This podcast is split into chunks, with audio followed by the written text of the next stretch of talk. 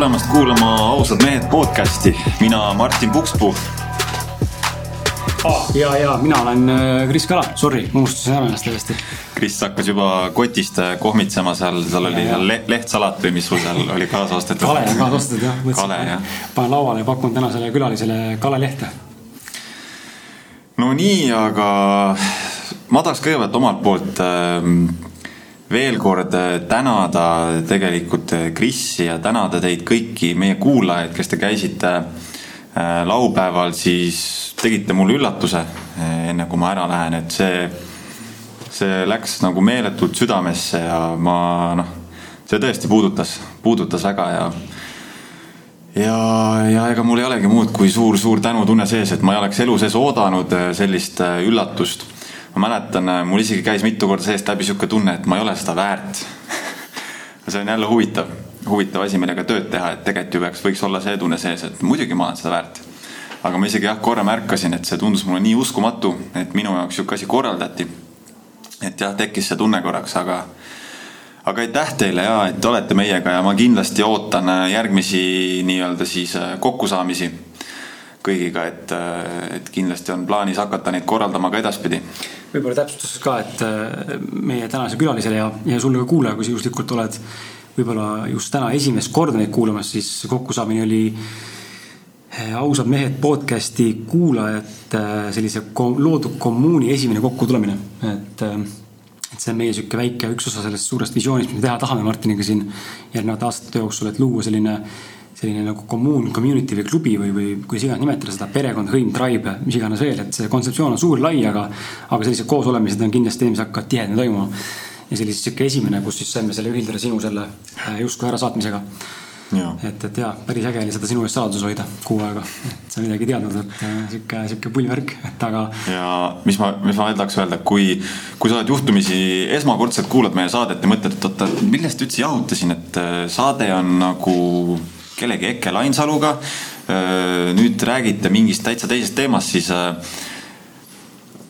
kuula meie eelnevaid saateid, mine meie kuskil sinna esimeste saadete hulka, et seal me alati saate alguses tutvustame, mis, mida, mida üldse ausad mehed teeb ja mida, mis meie nagu eesmärk on.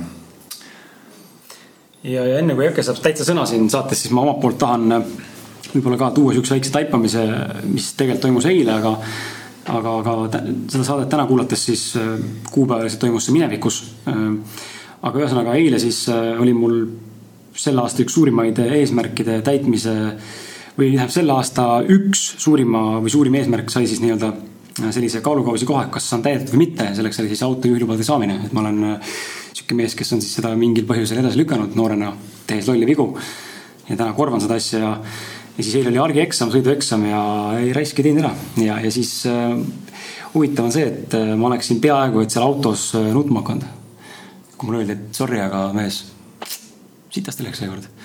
ja see ei ole nagu see, et sa ei teinud ära seda eksamit, see eksam on tühi-tähine, okei okay,, pole hullu, et ma saan löögile mõne kuu pärast uuesti, järjekord on pikad. aga, aga ma sain aru, et see oli pannud suure põntsu mu eneseteostuse, eneseteostusele ja, ja sellisele suutlikkusele nagu enda eesmärke püstitada ja et no sellele, et nüüd ma pean ootama kuni jaanuari lõpuni, siis sel aastal see eesmärk täit-, täit-, täit-, täidetud ei saa. ja, ja üldse viimasel ajal on sihuke hästi selline äh, Mm, ma ei tea, kas isekaemuslik ja sihuke endaga mingi, mingi, mingite mustrite üles pinnale tulemine ja see on tekitanud väga tugevaid selliseid eneses kahtlemise mustreid, tundeid ja mõtteid ja, ja emotsioone ja siis. ja lõpuks jõudsin koju, siis lihtsalt nutsin diivanil lihtsalt nagu mingi väike tüdruk. nihuke, ma arvan, minut kaks äkki vist. Aga ma tundsin, pidin välja laskma endast selle, mm. et nagu seda sees hoida, noh, ma tundsin, et see ei oleks, see oleks läinud sinna mädanema ja see oleks veel hullemaks läinud. ja siis läksin jalutasin lapsega vankriga ja siis rahunes maha ja täna on juba hea olla. et aga lihtsalt oli huvitav näha, kuidas kuidas nagu asjade kuhjumine ja siis mingi sihuke eesmärgi mittetäitmine, mis sa oled endale justkui mingi ootused või eeldused seadnud. ja selle nagu ebaõnnestumine või põrumine toob või käivitab sinus väga palju selliseid äh, noh, isegi näiteks ütleks enda kohta ootamatuid emotsioone ja reageerimisi, kuidas keha reageeris tegelikult, ma olin isegi šokis veits millegipärast. Ja, ja ei saa ka aru siin aru, miks see niimoodi käivitas, aga ju siis ma arvan, et on seotud selle eneseteostusega, et ma olen saamatu ja sita häda ja, ja ikka ei saanud hakkama ja mõttetu mees ja lube ei ole ja kes ma sihuke olen ja ja, ja niimoodi see kätras, aga jah, täna on juba nagu tunne parem ja, ja eile see mingid äh, kauplemise väiksed võidud ja siis naisega suhtlemine ja need juba on täna nagu toonud selle kaalukausi tagasi siia positiivse poolele ja ja täna oli lõunaga Peep Vainuga, et muide Peep Vain tervitab sind. palus, palus seda öelda. ja, ja, ja, ja selles mõttes ja, et läheb nagu sõidujoones et siuksed, siuksed tärkavad siia algusesse ja nüüd me oleme raisanud äkki aega viis minutit, nii et äh, ilma pikema sissejuhatuseta äh,. tere Eke. tšau Eke. tervist, tervist. nii et äh, kuidas tundub saate algus sulle kõrvalt kuulates? väga vahva, väga vahva selles mõttes, et ma just äh, mõned päevad tagasi tulin Ukrainast ja kus ma olen veetnud päris suure osa oma ajast ja, ja muuseas, ma tahan kõigepealt teid väga tänada see on väga meeldiv, et te kutsusite mind sellesse podcast'i ja ma loodan, et kuulajal saab olema ka üht-teist võib-olla noppida sellest vestlusest, mis meil siin täna eh, aset leiab. aga Kris sina, sina nutad luba, lubade mittesaamise pärast, aga Ukrainas on asi väga lihtne. Üheksakümmend üheksa koma üheksa protsenti inimestest ei, ei tee seal autojuhilubasid, vaid nad lihtsalt ostavad need konkreetne hind sada seitsekümmend dollarit. ma just viimati olin, mm, olin äh, restoranis, kus mm, kõrvallauas rääkisid äh, tüdrukud rääkisid kõvasti juttu, ma kuulasin selle jutuajamist, eks ole, et ma sain sünnipäevakingituse. siis vene keeles, eks ole,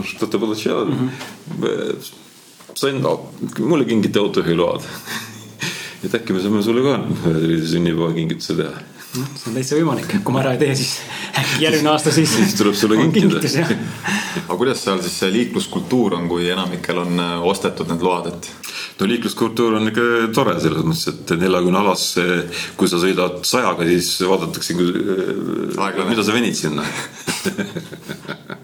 aga, aga noh, teisalt jälle ütleme noh, kõige põnevam liikluskultuur, kus ma olen ise liiklenud, on Palermo ma olen Sitsiilias korduvalt käinud, on niisugune päris kas see on nüüd Itaalias või? noh, Sitsiilia, eks ole mm, -hmm. Palermo mm -hmm. ja see on noh, nii-öelda maffia pealinn, eks ole okay., jah. no seal on ikka, esialgu võtab sõnatuks, aga siis harjud sellega ära ja noh, kui sul on vaja näiteks, näiteks kui sa tahad, tahad, tahad peadele välja sõita, eks ole, aga sa võid, kui sa jääd sinna ootama, et keegi sind laseks, siis sa võid oodata nagu päikseloojanguni, et see põhimõtteliselt on nii, et sa sõidad tee peale välja ja siis vaata, kas keegi peatub või mitte et Ukrainas on pisut on natuke leebem, aga, aga loomulikult, kui inimesed on noh, inimesed on temperamentsemad, inimesed on, on oskavad vähem sõita võib-olla, pole, pole ju kooli läbinud, on ju noh. Et see on igasuguseid kloone, jah. täitsa huvitav ikka mõelda jah, selle kuidas eri riikides, eri maades need on, noh, Tais on vapsi lappes asi, et seal. aga Tais on samas on jällegi, sest vaata, seal on vähemalt kui mina käisin seal viis nädalat ja rolleriga sõitsin, siis see on, see on nagu niivõrd sõbralik või nii selline voolav, et sa harjud sellega ära ja seal isegi mingis mõttes mulle meeldis Tais isegi rohkem sõita kui Eestis sest et äh, kõik arvestavad üksteisega. see muidugi ei ole ka sportautosid, mis saja viiekümnega ringi sõidaks, kõik on ikka, on ikka, aga lihtsalt noh, linnas on äh, ikkagist sihuke hästi-hästi sõbralik on see kultuur, et ei ole nagu Eestis, et äh, noh. sihuke e-, Eesti liiklus peegeldab hästi minu meelest Eesti, Eesti inimesi, et. psühholoogiat saaks nagu, saaks ära panna üksteisele pidevalt, on ju, ja. nojah, et eks ta selles mõttes see point on õige, eks ole, kui me võrdleme mingisuguse natuke noh, siis ma ei tea. heaoluriigi või? ma mäletan seda kunagi, et, et nõukaajal ähm, õppisin muusikakoolis ja, ja siis meil oli esimene, esimene siis nii-öelda tõsine välismaa oli so,, käisime siis kooliga, käisime Soomes mm. -hmm. Vau, niisugune kultuurishokk, see oli, see oli, muidugi tohutu elamus. pakun, kas see oli aasta kaheksakümmend üheksa või üheksakümmend, midagi no sellist, ütleme ikkagi äh, nagu tõsine vene aeg, eks ole, ja ja, ja siis see majaperemees, kelle juures me nagu noh, kodumajutust pakutakse, ühesõnaga need õpilased majutati siis erinevatesse peredesse ära ja siis mäletan, tal oli Toyota Camry, mis noh, uhke auto. meil siin oli see autopilt oli selline, nagu ta oli. ja siis ta jalakäija oli tee ääres, siis ta nagu peatus selleks, et nagu jalakäijat üle lasta minu arust tundus täiesti arusaamatu, mis, mis asja ta nagu teeb, mida ta nagu. sellel ajal ei olnud sellist äh, kommet ju mitte mm. kusagil, eks ole. Äh, äh, noh, täna on olukord loomulikult muutunud ju paremuse poole ja me näeme tegelikult liikluses ka seda, et, et inimesi, kes liiklus noh, nii-öelda liiklushuligaanid on, neid tegelikult ju taunitakse mm. -hmm. Need on sama nagu prügi maha viskamine ja, ja valesti parkimine ja ütleme, tegelikult ühiskonda läheb ju paremaks. nii et ähm.... absoluutselt. me võib-olla oleme nii vähe elanud, et et kahekümne üheksandal aastal ei olnud sündinudki veel, et siis nagu ei oska seda nii suurt võrdlusmomenti võib-olla nagu tuua sealt, et kuidas varem oli ja kuidas nüüd on, et. seda kindlasti, eks ole, et, et noh, teil on eluaastat oluliselt vähem kui mul, aga, aga, aga aga tulles tagasi korra selle Ukraina juurde, see on päris pull maa, ma olen seal, ma ei tea, kas peatume sel korral või? muidugi. ja, ja muidugi. et kuna see niisuguse värske muljed on, olin noh, terve suve olin põhimõtteliselt olin Ukrainas Odessas et ma olen seal nüüd kolm aastat järjest käinud. esimene aasta, kaks tuhat, esimene, aasta tegin mõned reisid tegin lennukiga. Kaks tuhat kuusteist vist, kui ma õieti mäletan. tundus nagu huvitav ja, ja, ja kaks tuhat seitseteist ma võtsin ette mm, Electric Car Road Tripi ja sõitsin siis äh, umbes äh, ütleme siis Ukrainas ma sõitsin kusagil ligi kümme tuhat kilomeetrit puhtalt elektrijõul. kokku see trip tuli kaksteist tuhat kilomeetrit puhtalt elektrijõul ja noh käisin igal pool Karpaatides, no ütleme, tegin põhimõtteliselt ringi peale seal, kus sai nagu sõita mm, -hmm. sest kohati on Ukrainas muidugi need teed, see on täielik katastroof, seal öeldakse, et seal ei ole tei-, teid ei ole, vaid on napravljenje, eks ole, et või noh, ühesõnaga, et suund kuhu sõita, noh ja, ja, ja, ja siis oligi ühes noh, seal oli muidugi noh, laadimise küsimused, et, et kus seda siis laadida ja noh, Tesla Club, Club Ukraine oli selles mõttes nagu vastutulek, et ma olin kusagil Karpaatides, mu laadimisjuhe läks tuksi ja ei saanud laadida, ma mõtlesin, karaul, et mis ma nüüd siis pihta hakkan, eks ole. Nad saatsid mulle ilusti uue laadimisjuhtme, eks ole ja kuhugi, ma ei tea, neljasaja kilomeetri kaugusele mm, -hmm. et, mhm. et järgmine päev sain selle kätte, et, et see oli hästi nagu põnev kogemus. Aa, okei okay. tulles meelde jälle, kui nüüd liiklusest rääkida, siis, siis äh, kui ma sealt Karpaatidest tagasi tulin, esimest korda külastasin autoga, külastasin Kiievit ja Kiievi kogemus oli selline päris põnev, et ma olin umbes pool tundi või kolmkümmend tundi jõudnud Kiievi linnas olla noh, õhtu oli käes ja, ja siis, ja siis noh, kombeks, et jalakäija nagu lased üle, kui ta on nagu zebra peal, eks ole, et no mitte ise sealt üle, varvata, onju. noh, ma peatusin, üks tütarlaps astus üle tee, minna peatusin ja käis punakas. Mõtlesin, mis nüüd siis juhtus, tuli välja, et kiirabiauto pani mulle tagant kõmaki sisse, onju. Ja, ja tema nagu arvas seda, et ei ole vaja jalakäija sellest, sest nende pole nagu enamasti see nagu kombeks no õnneks midagi hullu ei juhtunud, ma alguses arvasin küll, et sellega nüüd mu siis see road trip nagu on omadega läbi. aga noh, lihtsalt stange sai kahjustada ja kiirabiauto juht tuli muidugi omadega väga masenduses, et niisugune noh, kusagil kuuekümnenda, kuuekümnendates mees. kes ütles, et oi, mul on siin umbes pensionile jäänud veel kaks kuud ja miks just selline asi pidi juhtuma ja niisugune päris äh, tragikoomiline olukord, eks ole, aga vähemalt, vähemalt jalakäija jäi terveks. kas kiirabiauto peal oli mingi patsient ka või? Nad olid väljasõidul patsiendile, et selles mõttes ma muidugi väga südamest loodan, et sellel patsiendil, noh, saadeti kohe teine auto nagu sõideti mm -hmm. siis välja, aga ma loodan, et see viivitus ei, ei läinud siis midagi, noh, midagi talle nii-öelda maksma, eks ole, et ka siis tervise koha pealt, eks ole. kuidas sa muidu elektriauto kogemust nagu hindad, et äh, see suur miinusmärk, et peab tank, mitte tanke, vaid laadima ennast tundide viisi ühe koha peal. kas see vastab tõele või kuidas nagu seda, kuidas sellega optimeerida enda nagu reisi või üldse olemust? noh, ütleme, ütleme, et äh, sellega peab arvestama loomulikult, noh, mis puudutab Euroopat, no mul, ma isiklikult olen äh,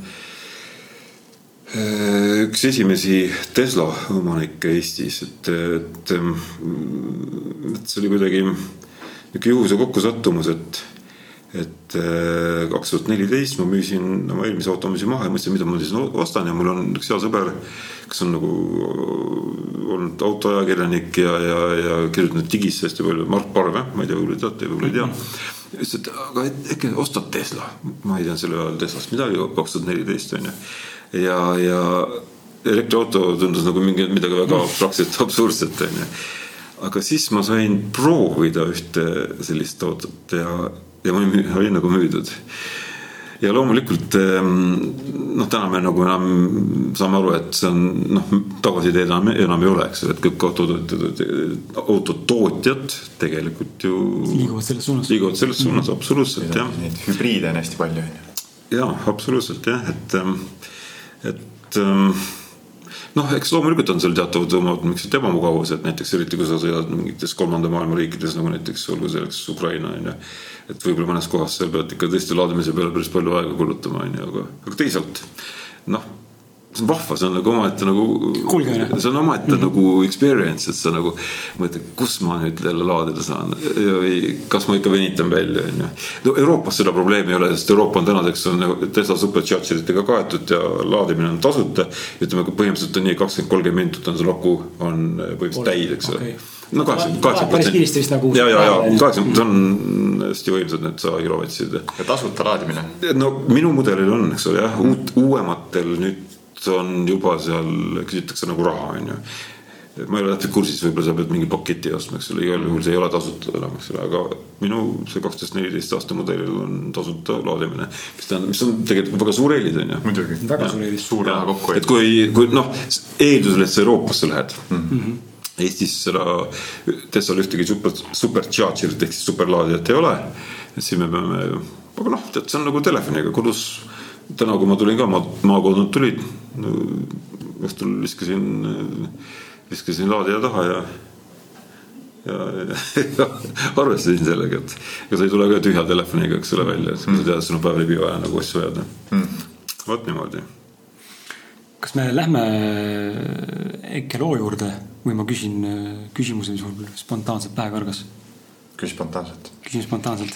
sa tõid hea näite, mis kuidagi kõnetas mind just sel tasandil, et sa istusid äh, rooli ja said kogemuse ja olid müüdud mm. -hmm. aga elus on ka niimoodi, et räägime siis võib-olla müügist just selles laastus, et mind huvitab, et mind huvitab võib-olla sihuke küsimus kuidas müüa võib-olla siis niimoodi, et äh, ilma ma saaksin, oleks saanud kogemust. et kui ma tahan sulle müüa mingit teenust näiteks, vaatame, või, või ma ei, ma ei oska näidet tuua, aga mm, sa saad aru, mis ma mõtlen, või, küsimuse all? et kui sa tahad müüa midagi, millega sul puutub, puudub isiklik kokkupuude? ei, inimene, kes seda teenust ostma hakkab, tal puudub isiklik kokkupuude. aga ma tahaks talle justkui nagu noh, tahan talle veenda, sest tal on seda vaja, enda mm -hmm. kogemuse et autot muidugi nüüd müüa ei saa, aga ma ei oska tuua nagu, mis, mis teenuse toode sellega olema peaks kas sa. raamat võib-olla näinud, et enne, enne kui sa läbi loed see raamatu ja siis ma otsustan, kas ma ostan või ei osta mm. -hmm. või ma müün sulle selle niimoodi, et sa pole seda lugenud mm, -hmm. siis sul pole kogemust. et äh, kuidas nagu seda sammu võib-olla astuda, kuidas tekitada inimestes seda või mis, või mis üldse sinu kogemuse juures täna tekitab inimestes seda tunnet, et. voh raisk, seda ma tahan või seda ma vajan. müügilt no see on, tulles näiteks raamatu juurde, siin laua peal on see üks mu viimane raamat, kolmas raamat, mida ma, millel on niisugune pretensioonikas pealkiri palgatööga rikkaks. ja selle raamatu ma kirjutasin tegelikult, kirjutasin selle kuu ajaga valmis ja selle raamatu ma kirjutasin päris suure emotsiooni või vihaga ja viha käest just eeskätt, noh, viha on iseenesest on ta destruktiivne emotsioon, aga teisalt, kui see konverteerida loomingusse, siis ma võin täna öelda, et see see on päris, päris vahva lugemine. võimendab seda sinu sõnumit. absoluutselt, eks ole, ja kus see, kus see viha emotsioon tekkis, oli see, et mu enda ühte lähedast väga, väga ütleme lähedast sugulast, kes on super fantastiline töötaja, töötanud seal ettevõttes ligi kakskümmend aastat. imeline inimene, naisterahvas on ju, kelle poole kõik inimesed pöörduvad oma küsimustega, kes, kes no ütleme, ideaalset, ideaalsemat töötajat annab otsida, aga traagika on selles, et ähm, nagu naisterahvad ikka, eks ole, enamasti on tagasihoidlikud.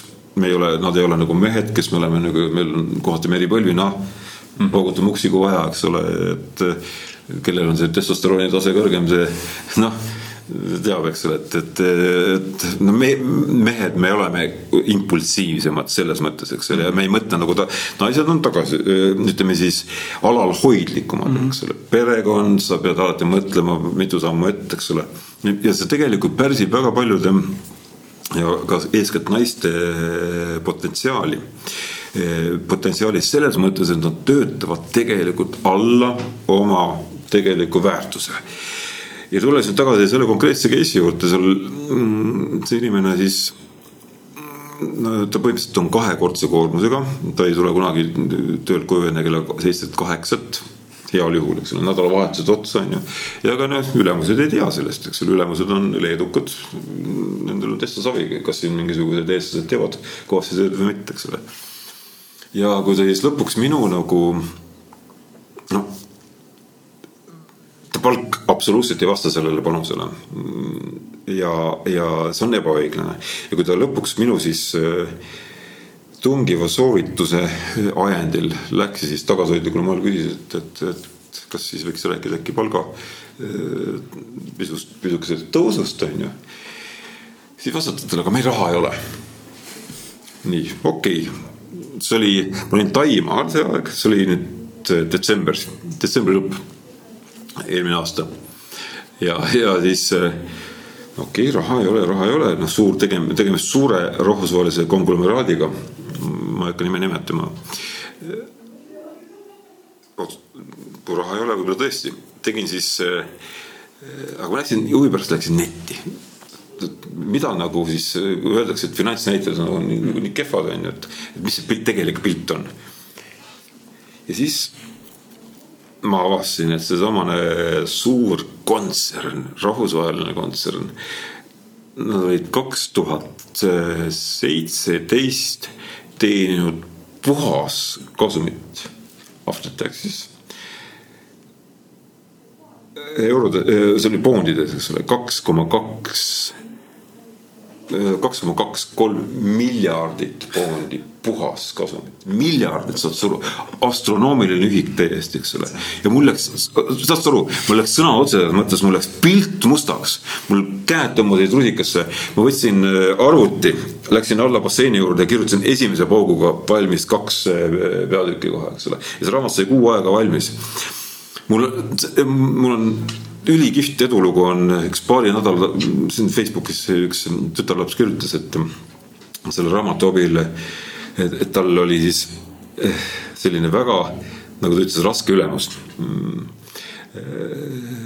nagu ta ise nimetas, siis vene rahvusest juut, noh tõenäoliselt suhteliselt raske, raske ülemus ja, ja ta ütles, et ta jubedalt kartis selle palgaläbirääkimist ja ta tellis mu raamatu, töötas selle läbi, valmistas ette ja siis ta mulle, mulle kirjutas, et ta sai üle üheksakümne protsendi palgatõusu. Ta ütles, et ta never ever poleks selle ilm, ilma seda saavutanud. mis tähendab seda, et tegelikult, ähm, tegelikult äh, kui sa ei küsi, sul ei anta kui sa ei küsi, sulle ei anta, aga kui sa küsid argumenteeritult, ettevalmistatult, põhjendatult ja küsid ka mitu korda, eks ole, siis on see täiesti võimalik, on võimalik saavutada väga korralik palgatõus. sest enamik inimesi, kui me vaatame seda, mis täna tegelikult töö, tööjõuturu, tööjõuturul toimub, mm, kuidas palgad tõusevad, kuidas elukallidus tõuseb ja nii edasi ja nii edasi, siis tegelikult väga paljud inimesed, kui mitte valdav osa enamikust, töötab alla oma tegeliku turuväärtuse ja, ja need hirm, ütleme, mis tagasi hoiavad, on hirmud kõhkluse, kahtluse, kartus.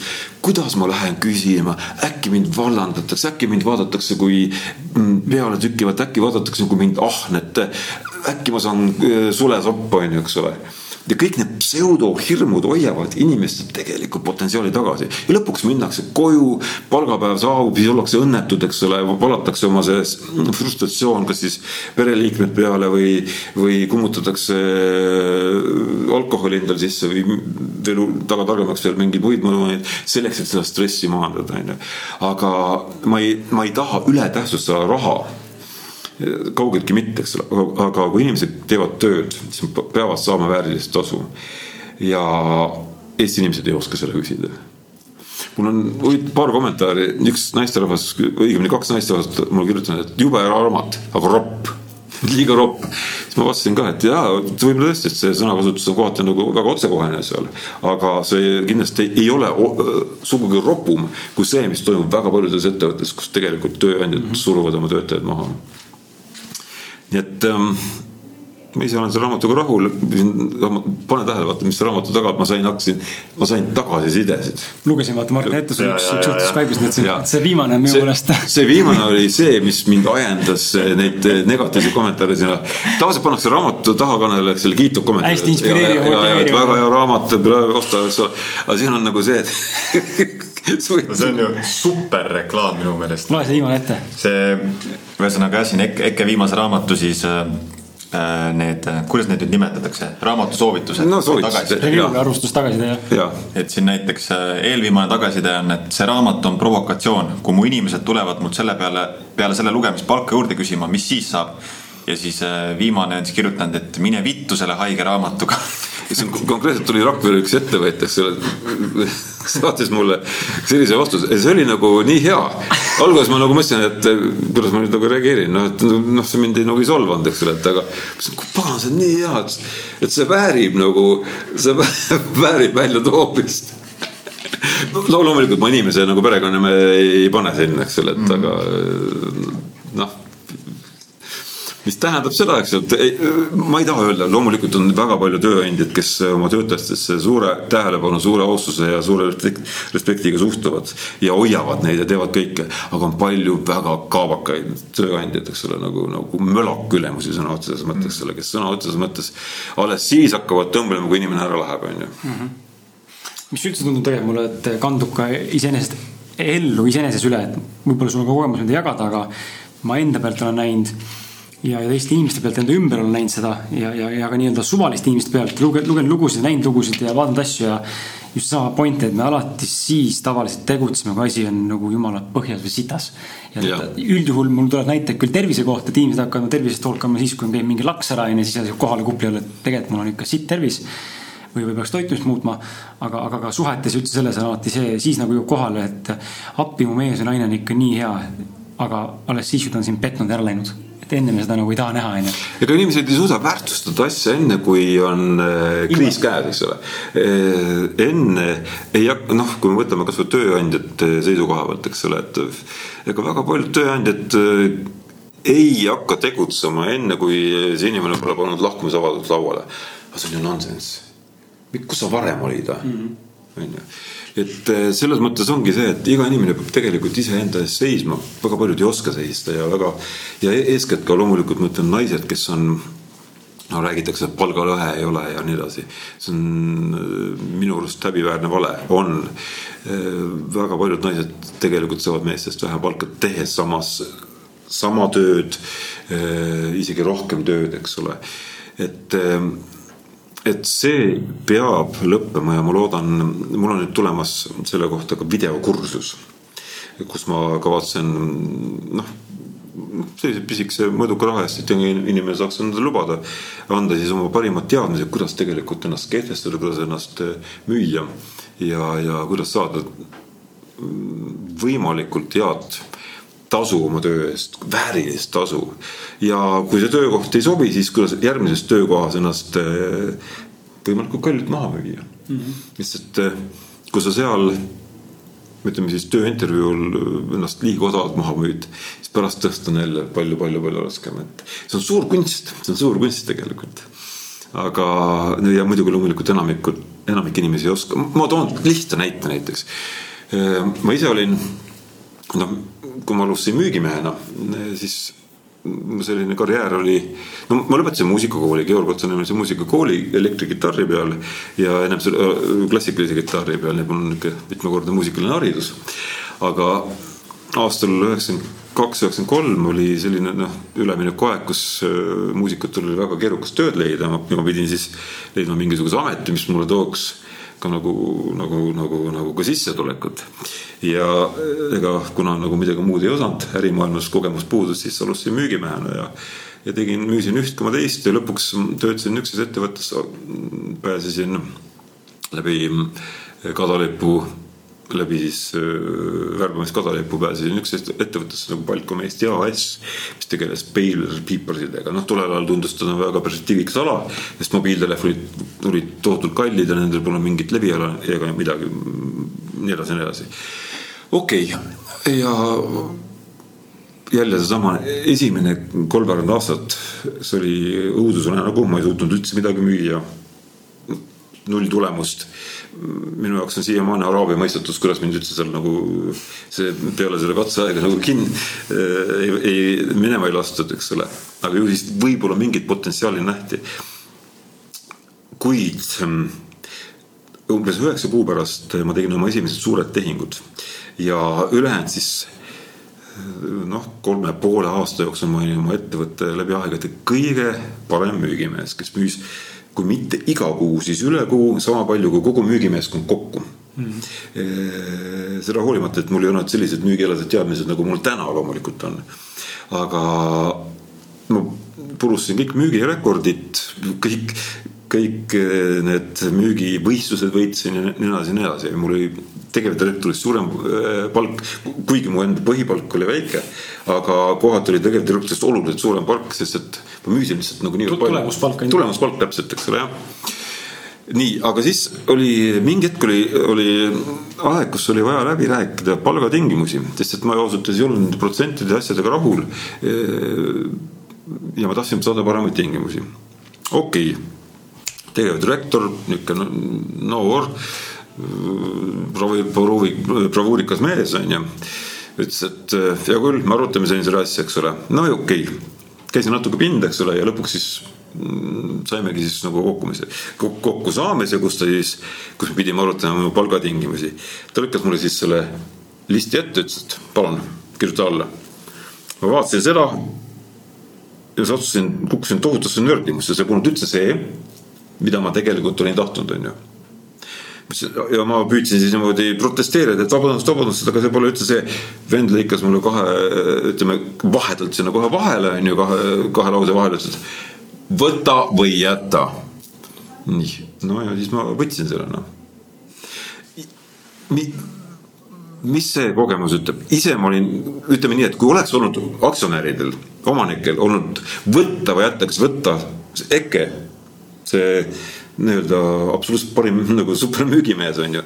või võtta see tegevdirektor, siis oleks kinga saanud see tegevdirektor, sest tegelikult tema tõi ettevõttele palju vähem väärtust kui, kui mina mm. -hmm sellest hoolimata ma ei suutnud näha väärtust ja ma võtsin need tingimused vastu ja okei okay,, noh nägu oli viril, rahul ei olnud, aga, aga, aga läbi rääkida ei osanud mm. -hmm nüüd, kui me võtame nagu inimese, kes, kes ei tunne ennast võib-olla nagu nii heal positsioonil olevana ja panna teda läbi rääkima palka, eks ole, siis me ei saavuta sealt mitte mingisugust tulemust, on ju.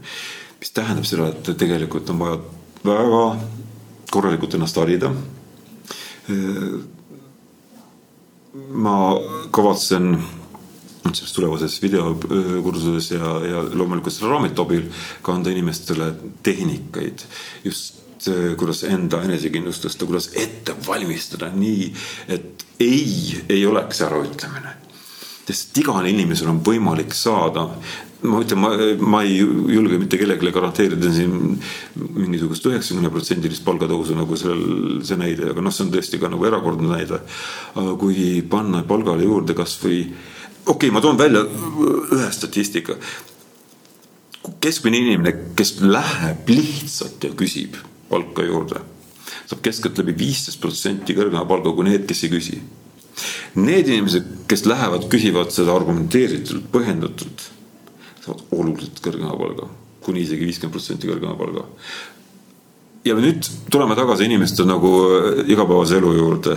tehakse tööd, tullakse kurnatult koju. Äh, tööülesanded on võib-olla isegi äh, ulatuvad nädalavahetusse, eks ole. mille nimel siis on ju? aga palga, ütleme siis kuu lõpus on nagu näpud põhjas, eks ole. Mhm. mina leian seda, et kui sa müüd oma tööjõudu, sa pead müüd, müüma seda võimalikult. loomulikult sa, sa pead tegema head tööd. aga, aga müüma seda võimalikult väärilise tasu eest, eks ole. et siis jääks üle ka raha, mida investeerida. Äh, investor Jaak Roosaare on sellesse raamatusse kirjutanud ühe peatüki. Äh, et mida siis teha selleks, et kui sul raha on, et kui raha üle jääb, et kuidas seda investeerida. et kui võtame näiteks selle, et räägitakse ütleme, selline klassikaline tõde on see, et pane kümme protsenti oma sissetulekust äh, investeeri, eks ole. no kui enamik inimestel ei jäägi selle kümme protsenti kusagilt üle, on ju, kus sa siis investeerid seda. aga see ongi see, et küsid juurde, saad selle ja siis jääb sul raha üle ka, et mitte loodetavasti kulutada, aga investeerida ja põhimõtteliselt on võimalik tegelikult keskmisel inimesel, miks selle raamatu pealkiri on Palgatööga rikkaks, mis läheb sellise konventsionaalse mõtlemisega vastuollu, palgatööga ei ole võimalik rikkaks mm -hmm. saada, loomulikult ei ole võimalik eh, multimiljonäriks saada tõenäoliselt. aga on võimalik saada küllaltki jõukaks, kui sa näiteks, võtame lihtsa näite. Ehm, sa investeerid oma, oma, no oletame näiteks eh, viisteist protsenti või, või kakskümmend protsenti oma sissetulekust investeerid kinnisvarasse, eks ole. Te panete need korterid üürile. sul on, keskmisel inimesel on võimalik saavutada, ma ei räägi võib-olla nüüd Tallinna korteritest, aga mul endal on mitu äärelinna kort-, mitte äärelinna, vaid Harjumaa korterit, eks ole, mis on edukalt üüril ja mis toovad mulle sellise korraliku passiivse tulu. et eh, see on selline korralik pensionisammas, mida tegelikult, mis on tegelikult igal inimesel võimalik saavutada, osta endal kaks, kolm, neli eh, näiteks äärelinna eh, või, või, või Harju maakonna korterit. suurusjärgus kakskümmend viis, kolmkümmend, kolmkümmend tuhat, eks ole, pole mingi müstiline summa. ja lõpuks ongi sul tegelikult passiivne raha olemas mm või investeerida aktsiate, mis iganes. noh, mina olen nagu selles mõttes kinnisvaruusk, eks ju, et aga, aga loomulikult on neid investeerimisvõimalusi palju. ja nüüd on ju igasugused äh, ühisrahastused, et sa ei pea isegi tervet korterit äh, ostma selleks, et sealt passiivtulu teenida, vaid äh, sa paned mingi protsendi raha ja selle protsendi väärtusest sa saad, on ju, sealt passiivset tulu. absoluutselt. see on hea võimalus, kuidas jälle alustada nagu. absoluutselt, aga selleks, et alustada, peab olema ikkagi raha et mis sul igapäevasest siis või igakuistest kulutustest üle jääb, et sa maksad ära oma liisingud või laenud ja ja, ja kommunaalkulud ja otsesed kulud ja toidud ja nii edasi ja nii edasi laste ülalpidamise. aga see raha saab tekkida ainult siis, kui, kui sa mitte ainult siis, aga üks võimalus on siis, kui sa küsid endale väärilise tasu.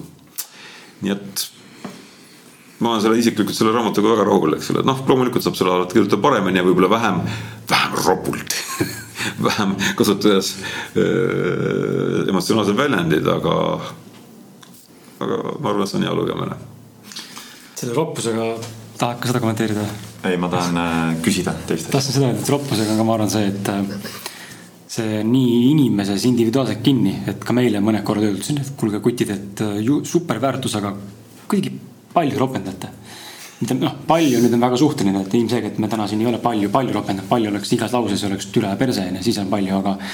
aga ma arvan mõistuse mõttes intelligentselt ja, ja, ja kui sa nagu väljendad ennast äh, mulle meeldib näide, mis ma kunagi nagu noorena, mille peale ise tulin, selles mõttes, et äh, mitte mingi leiutis oleks, aga kuidagi toimus sihuke elektripind läks põlema. et ongi see, et kui ma ütlen kellelegi, et sa oled jobu või et sa oled munn, siis see teine jõuab nagu paremini kohale, mida me tegelikult tahame sulle öelda, see sõna kannab mingit endas nagu sihukest tugevamat või noh mingit jõulisemat vormi, mis on ühiskonnas vastu võetud ühtselt onju, et see on nagu sihuke nagu, et assa, nüüd ma sain aru, onju aga inimesed nagu tahavad seda võtta nagu kuidagi nagu. no kuulab, kuulaku Gary Veed need, kes on no, nagu niisugused, olen väga, eks ole, no ja vend on praegu absoluutselt maailma üks vaata et juhtimaid enese, eneseabiguurusid, eks ole, onju väga kõva vana noh. Ja tema iga teine sõna on fuck või, või eks ole, mis iganes, eks ole, onju et võtta ja, ja see ongi tema, see ja, ja ta on öelnud selle, noh, kes on tuttavad Gary Vee'ga teavad, aga kes ei ole, siis Gary Vee on, on no guugeldage, vaadake mõnda tema loengut, eks ole, või, või minge vaadake, mis Instagramis ta kirjutab, eks ole, mida ta räägib, et väga kõva vana. ta on öelnud, see on tema stiil, eks ole, et ta mm, -hmm. et ta, ta ei oska teisiti, eks ole, et see ongi.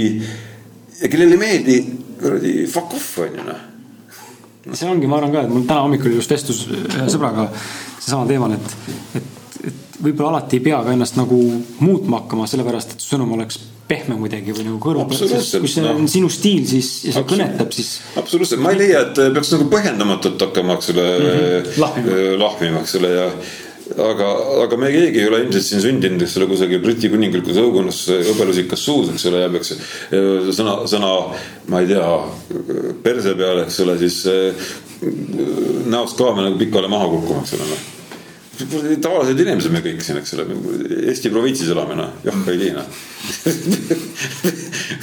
seda enam on, okei okay,, loomulikult naisterahvad on võib-olla natuke tundlikumad, eks ole, noh, see on selge, eks ole, et eks need vist ongi olnud enamasti ka naisterahvad, kes on meile kirjutanud selle kohta, et palju ropendame.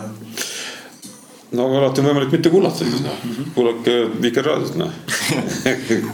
Aga ma tahaks minna tagasi sinna, et kui sa nüüd see kolmveerand aastat äh, töötasid seal müügiettevõttes on ju ja ei olnud tulemusi, et äh, mis siis nagu muutus, mis siis, äh, mis siis pani sind järsku neid tulemusi tootma, et kas sa, kas sa siis terve see kolmveerand aastat meeletult tegelikult harisid ennast müügivallas või, või mis, mis nagu, mis oli see shift, mis sinus nii-öelda toimus?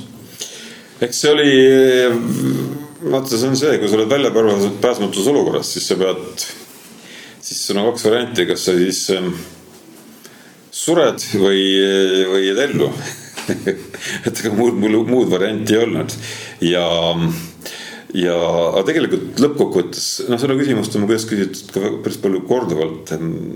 Ja ja ma olen selle analüüsinud, mis see nagu see läbi, läbimurre oli. ma avastasin seda, et ega ma ütlen veel, harid, harida sellel ajal oli küllaltki raske, sest et sel ajal no ütleme ingliskeelses, inglise keelt ka nagu ei, ei osanud eriti, eks ole.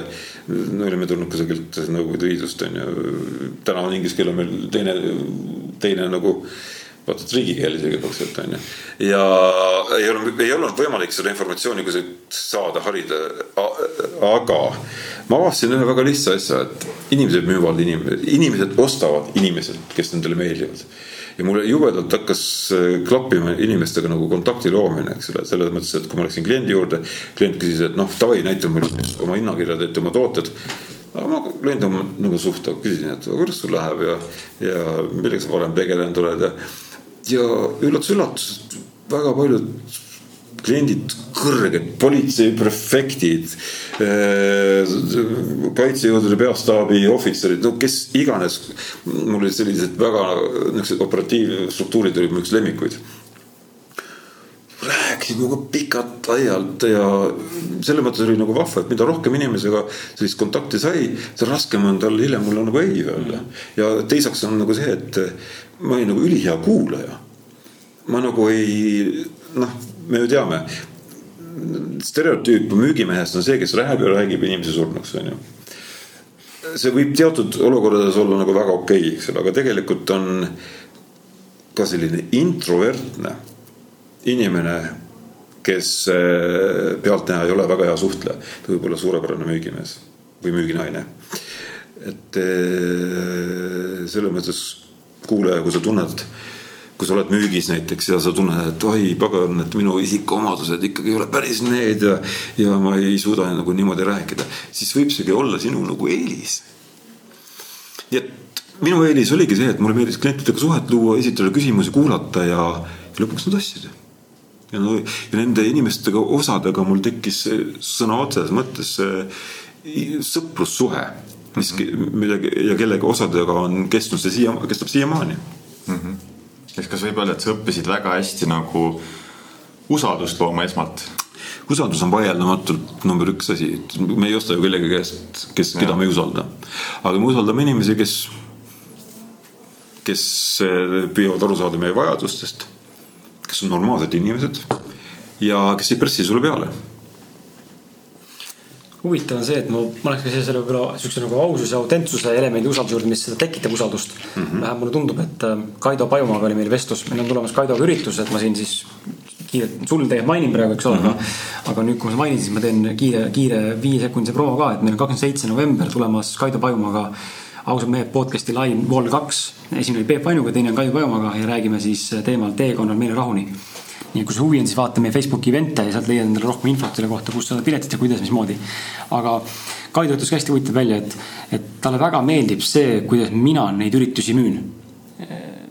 et kuidagi see ei ole nagu müük, vaid see on kuidagi nagu hästi teistsugune lähenemine sellele mm. -hmm. et kuidagi -hmm. puhtam ja, ja ei ole nagu müük, vaid nagu on müük, aga ei ole nagu müük. Ja talle väga meeldib see tase, muidu, muidu talle nagu müük üldse ei meeldi. Ja ta ise ka teha ei taha seda. Ja ma olen inimene, kellele ei meeldi müüa, ma ei taha üldse müüa, mul on väga raske enda raamatut inimestele müüa, aga, aga mida ma olen näinud, ongi see et minu puhul jälle, see võib-olla ei tööta iga toote juures või iga teenuse juures, aga, ja mitte iga inimesega kindlasti. aga väga palju on mul kogemust olnud sellega, et ma, mida ausam ja autentsem ja avatum ma olen ja rääkides ilma filtrita, võib-olla ka öeldes välja, et ma ei tea, kas sul on seda vaja, aga võib-olla on. Siis see on see, mis selle close ib. just see, et sa julged olla nagu aus ja haavatav. või võib-olla, võib-olla ma eksin täna, sul tegelikult ei olegi vaja seda, aga tule proovi, ma ei tea mitte see, et ma tulen sulle, et sul on seda raudselt vaja, kui sa kohe ei võta, see elu on perses. ja see, see minu puhul näiteks ei tööta et kuidas sina võib-olla oskad kommenteerida seda? ma leian, et see on väga, ma leian, et see on ülioluline, eriti kui me räägime sellisest eh, väiksest turust nagu Eesti näiteks on ju. et eh, kui sa oled ebaaus, kui sa oled ütleme siis nii peale tükkiv. Eh, sa müüd maha midagi sellist, mis, mida tegelikult kliendil vaja ei ole no siis see pigu no,, reputatsioon on ikkagi see, mis määrab, et see pikka pidu nagu ei ole. võib-olla sihuke küsimus, et äh, et äh, mis sa arvad, kui, kui palju või mis tasemel äh, noh, kuna sa oled terve elu põhimõtteliselt müügis olnud, on ju. Et kui palju peaks iga inimene nagu valdama müüki ja mis, mis, mis, mis, mis kasu sellest nagu oleks inimestele? no paraku tänases ühiskonnas me peaksime, peaks iga inimene tegelikult valdama müüki teatud tasemel, sest et sest kui palju on räägitud sellest, kui kui no ma usun, et väga paljudel on näited oma tutvusringkonnas, kus on olnud inimene, kellel on fantastiline toode või teenus, aga ta on nii tagasihoidlik, et ta ei tee isegi suud lahti sel teemal, eks ole, lõppkokkuvõttes eh, võib-olla läbimurdeline idee, mis maailmas oleks võinud muuta väga palju, jääb kuhugi lauasahtlisse, on ju. teisalt müük ei ole nagu ainult ju mingisuguse toote-teenuse müük, eks ole, müük on põhimõtteliselt läbirääkimine kogu elu, on ju et läbirääkimine oma tööandjaga, läbirääkimine oma, oma kolleegidega, läbirääkimine oma lastega, eks ole, on ju, eks ole, nad toituksid tervislikult või, või teeksid äh, oma elamise korda või, või kolmandat, neljandat, viiendat käiksid trennis, eks ole. nii et, et see müügioskus on, on väga vajalik, ma reedel lähen näiteks tegema Tabasalu gümnaasiumisse. Paluti mind tegema koolitust õpetajatele, et sealt koguneb üks kuuskümmend õpetajat ja, ja tuleb välja, et ka õpetajad soovivad teada saada müügi kohta, et et ei, absoluutselt, mul on koolidega poliitikuid, keda iganes, spekter on nii lai, meditsiinitöötajad, keda ma olen koolitanud müügialas, alal, et, et, et see kapitalistlik ühiskond paraku ja no mitte ainult, eks ole, et eks alati ka ütleme, nõukaajal on ikkagi edukamalt elanud ja paremini elanud need, kes on, on ennast paremini nagu müüa. no mõne inimese lihtsalt on tegelikult vastumine, kuidas ma lähen ennast promon ja, ja haibin. aga selleks ei pea olema selline mölalõug ja selline pealetükk, vaid siin on väga palju erinevaid palju intelligentsemaid ja palju, palju pehmemaid lähenemisi, et et pikk vastus su küsimusele noh, paraku ilma müügita me ei saa. kas kas see võib olla ka see, et kasvõi selleks, et äh, saada nii-öelda elus oma mingid ka emotsionaalsed ja, ja kõiksugused vajadused, mis meil on rahuldatud, ka selleks peaks ju oskama, ma pean suutma kommunikeerida, mida ma vajan äh, jah, ma pean suutma kommunikeerida, mida ma vajan selleks, et seda üldse saada, sest näiteks kui ma, kui ma ei suuda kommunikeerida, et äh, ma ei tea, ma vajan äh, mis iganes tähelepanu, ma ei tea, sõbrad, et hei, mul on raske aeg, mul oleks vaja sinuga aega veeta, rääkida südamest südamesse, mis mu elus toimub, siis ma jään ju üksi oma probleemiga ja, ja tegelikult mu vaimne tervis ju kannatab selle all, onju nagu ma nüüd suudaksin nii-öelda siis müüa maha sõbrale, et tule saa minuga kokku, ajame juttu. no see on ka niisugune mikromüük, absoluutselt. noh, müük, läbirääkimine, nad on väga sarnased tegelikult. et ma olen viimasel ajal hästi palju kuulanud audioloenguid, noh, teed trenni või, või jalutad looduses või sõidad autoga, eks ole, et selle asemel, et, et eh, lihtsalt kuulata muusikat, siis tihtipeale kuulan audioprogramme just eriti läbirääkimiste alal, et see on ülioluline. ja ma ise avastan, kui palju ma tegelikult olen elus lasknud võimaluse käest ja, ja, ja. ma toon ühe näite näiteks, mul on üks selline, selline negatiivne kontseptsioon olnud elus, kus ma nagu olen olnud väga noh, ütleme, ma olen olnud väga hea müügimees, aga väga kehv ostja mis tähendab seda, et mul on alati olnud kuidagi sees niisugune niisugune eh, pidurdav tunne selle osas, et kuidagi tingida on nagu, nagu, nagu pole nagu õige, eks ole, et no mida ma siin tingin, eks ole, et et ja, ja see on tegelikult sisemine kompleks, on ju. mille tõttu ma lõppkokkuvõttes olen kaotanud tohutult, tohutult palju raha. no klassika ütleb seda, eks ole, et targad nagu targad inimesed väidetavalt ütlevad, et selleks, et olla noh, jõukas või rikas, eks ole, sa pead müüma kallilt ja ostma odavalt, on ju. noh, see teine pool või õigemini esimene pool on olnud mul paigas, aga, aga odavalt osta pole, pole osanud. Ja mul on alati olnud kuidagi selline tunne, eks ole, kuidas ma hakkan nüüd tingima siis, et umbes nagu müügiinimene vaatab, et noh, kuule raha pole, rott tuleb, eks ole, stiilis. aga see on, see on nonsense, see on jälle samasugune nagu pidurdav kontseptsioon, millest on võimalik nagu vabaneda. Valusa näitena tuleb mul meelde, et näiteks üks kinnisvaraost, mis ma tegin, mm, pakun üks viis aastat tagasi. Ma, ma ei tinginud. ja pärast tuli välja, et samas majas samasugust neljatoalist korterit naaber ostis kusagil kaheksa tuhat eurot odavamalt, kuna ta oskas tingida. ja siis jõudis mulle kohale põrguvärk, et see on ikka päris valus õppetund on ju. noh, kaheksa tuhat eurot pole sugugi väike raha on ju. et äh, ja ma hakkasin ennast selle koha pealt harima. et täna meil on võimalik ju kõigil ennast igas valdkonnas kurssi viia. Et keegi, mind ajab nagu naerma see, kui inimene ütleb, et aga ma ei oska ma ütlesin, et aga sa ei oska, aga, aga ütleb parem välja, et sa ei viitsi. sa ei viitsi minna Youtube'i, sa ei viitsi minna Google'isse ja vaadata, kuidas asi tegelikult käib, on ju noh. et, et kui öelda, et ma mingit asja ei osta, ei oska, siis on see täna neljakümne kaheksa tunniga endal põhimõtteliselt asi võimalik selgeks teha, on ju. jaa. ja see on huvitav äh.... aga ma põikan teie lahkel loal hoopis ühe teise teema peale, eks ole, et mul see on nii naljakas, et mm, noh, müük, müük, eks ole, et müük on nagu selle, selles mõttes. no me ju teame tegelikult, kus suunas kogu ühiskond liigub ja kus suunas kogu inimkond liigub ja kus suunas äh, maakera liigub. noh, mõni arvab, et ei ole muidugi maakera, vaid maa eks ole, niisugune lame selline mingisugune moodus siis, eks ole. aga, aga põhimõtteliselt me inimestena situme selle maailma üha rohkem ja rohkem ära, onju. Mhm. mis tähendab seda, et noh, mul on lapsed, eks ole, me, sul on laps, eks ole. ja, ja sul, noh, ja me tegelikult pärandame kogu selle oma, oma järeltulijatele et mõnes mõttes on mul, kui me vaatame nagu seda, et missugune ületarbimine toimub, missugune missugune meeletu ressursside raiskamine, missugune absurdne asjade ja igasuguste vidinate ja ma ei tea, mille kokkuostmine käib, eks ole. mis tegelikult lendavad lõppkokkuvõttes kuhugi loodusesse tagasi, on ju. ja siis ma olen viimasel ajal muutunud ise nagu üli nagu ökonoomseks, et ma olen nagu aru saanud, et loomulikult noh, eks seal igal inimesel on põhjused on erinevad, eks ole, shopping on väidetavalt nii-öelda teraapia on ju. aga enda puhul ma olen avastanud seda, et ma olen avastanud mõnes mõttes natuke nagu isegi, isegi sellise väikse vastuolu, et ma õpetan nagu müüma.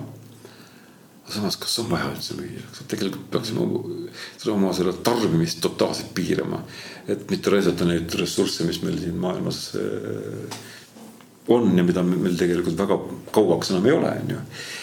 et, et, et ma enda puhul, ma olen ma olen avastanud seda, et tegelikult selleks, et olla nagu, nagu noh, ütleme rahul. kas just õnnelik, aga elada normaalset elu, ei ole ju sittagi palju vaja mm. -hmm. kurat, ma ei pane ju selga, ma ei tea. mul ei ole vaja ju kümmet paari teksapükse, eks ole mm. -hmm mul ei ole vaja, eks ole, iga kolme aasta tagant vahetada autot. Ma arvan, et seesamane kaks tuhat neliteist aasta Tesla, selle ma sõidan veel neli aastat on ju. -hmm. kui mitte, võib-olla, võib-olla, võib-olla, võib-olla kümme on ju et mul ei ole vaja seda vahetada, et, et see on nagu nii pointless, et, et me kulutame rohkem, kui me tegelikult väärt oleme selleks, et, et polsterdada oma ego, selleks, et mm, tõestada kellelegi midagi, selleks, et, et saada leevendust, hetkelist leevendust oma sisemistele kompleksidele et millega ma, ma viimasel ajal nagu olen suhteliselt vähe nagu tööd teinud, ma olen hästi palju reisinud, ma olen Eestist ära ikkagi, ma pakun üks keskeltläbi noh, viimased ütleme kolm aastat eh, olen Eestist ära ikkagi vähemalt üheksa kuud aastast, kaheksa-üheksa kuud aastast ja ja, ja reisin ja võtan aega nagu hästi rahulikult. Ja siis sa avastad, et, avastad, et või chill, see kola, mis mul seal kodus vedeleb, eks ole, et tegelikult poleks vaja nii kunagi olnud olnud osta, onju. et äh, ma ei tea, kas see meie kuulajat kõnetab, aga, aga võib-olla sa mõtled ka sama asja peale, eks ju, et kas sul siis on ikkagi vaja kulutada oma raha asjade peale, mida sul tegelikult tõenäoliselt vaja ei lähe või mida saaks näiteks parandada. ma toon lihtsa näite, eks ole, et Äh, mul enda poeg, ta on, sai nüüd seitseteist, ülikihvt, vana teeb muusikat ja nii edasi ja nii edasi ja hästi sportlik. et ma olen ta üle väga uhke. et ähm, ütles viimati, et äh, mul on vaja uut jopet. ütlesin, et aga ma ostsin, ma ostsin sulle eelmine aasta või isegi see, okei okay,, eelmine, jah, tegelikult eelmine aasta ostsin uue jope. et milles nagu siis on siis ta näitas, et, et varruku peal oli mingisugune noh, natuke katki onju. Come on, mees, et see on ju õmble juurde viia, eks ole, tehakse korda nii, et ei ole midagi nähagi. no vot, see ongi see mentaliteet, natuke on katki, viskame ära, ostame uue, eks ole.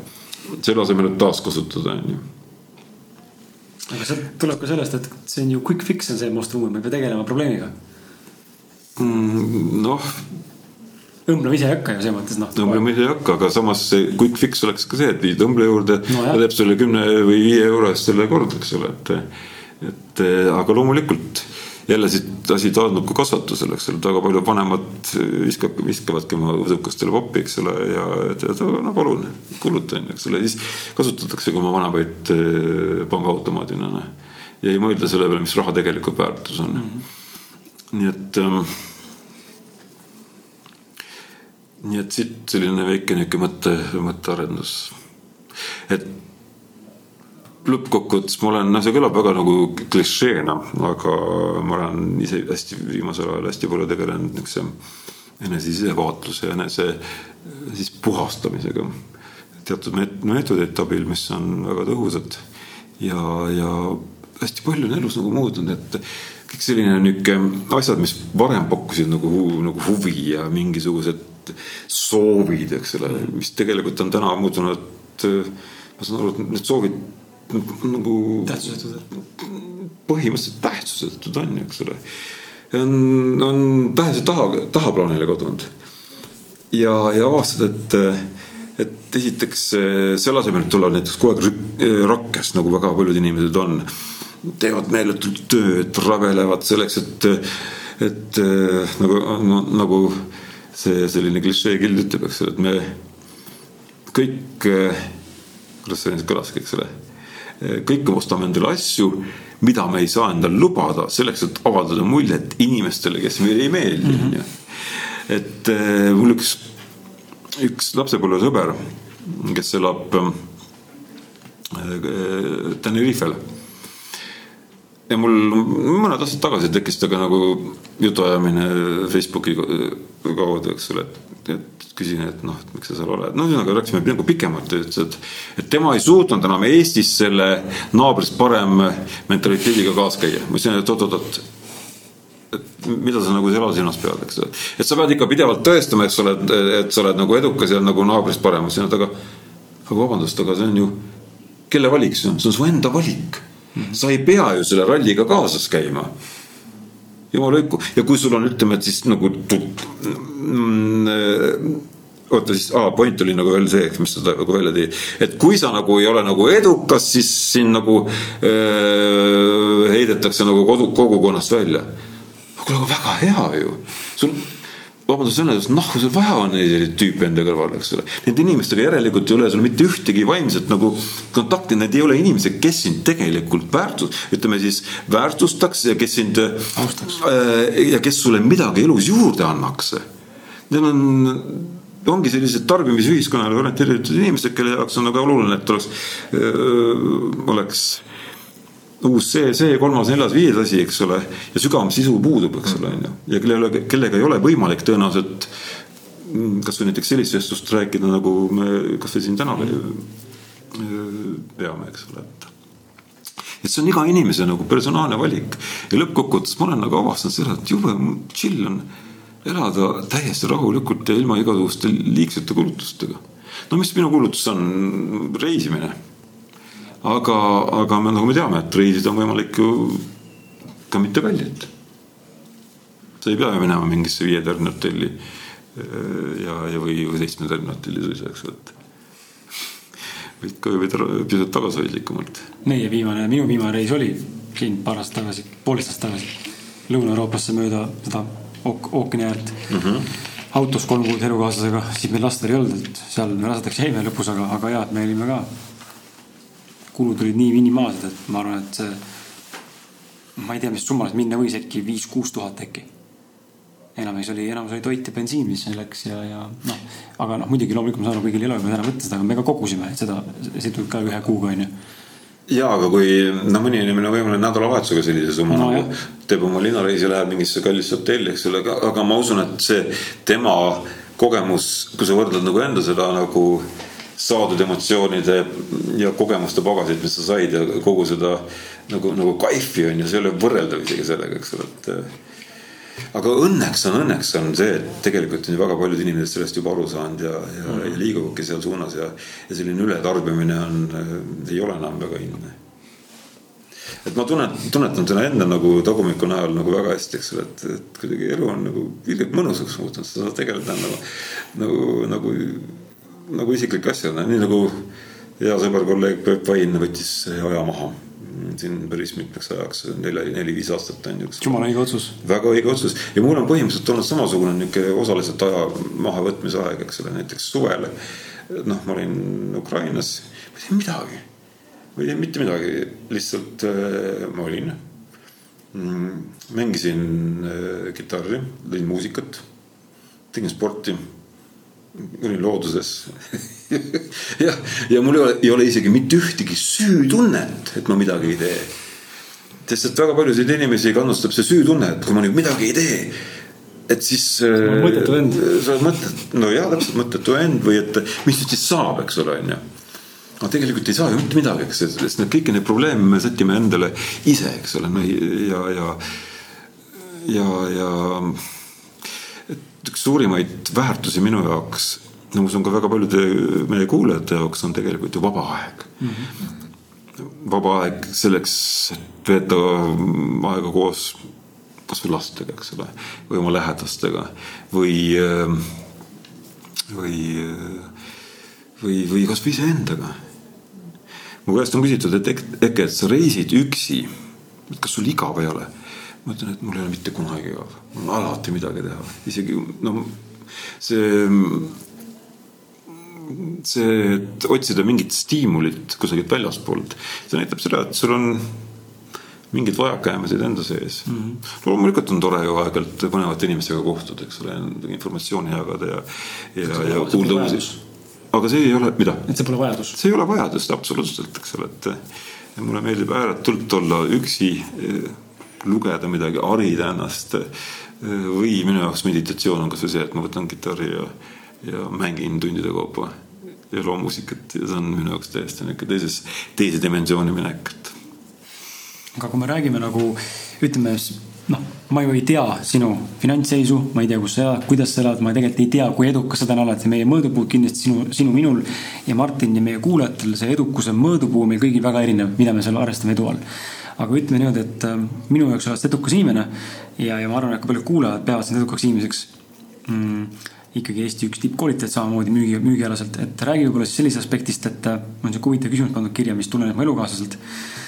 et äh, mida teeb mida teed nagu sina, Eke, igapäevaselt, mida aga tavainimene jutumärkides siis, kes lihtsalt on see soraratas, endale tähelepanu ei pööra, mida tema ei tee?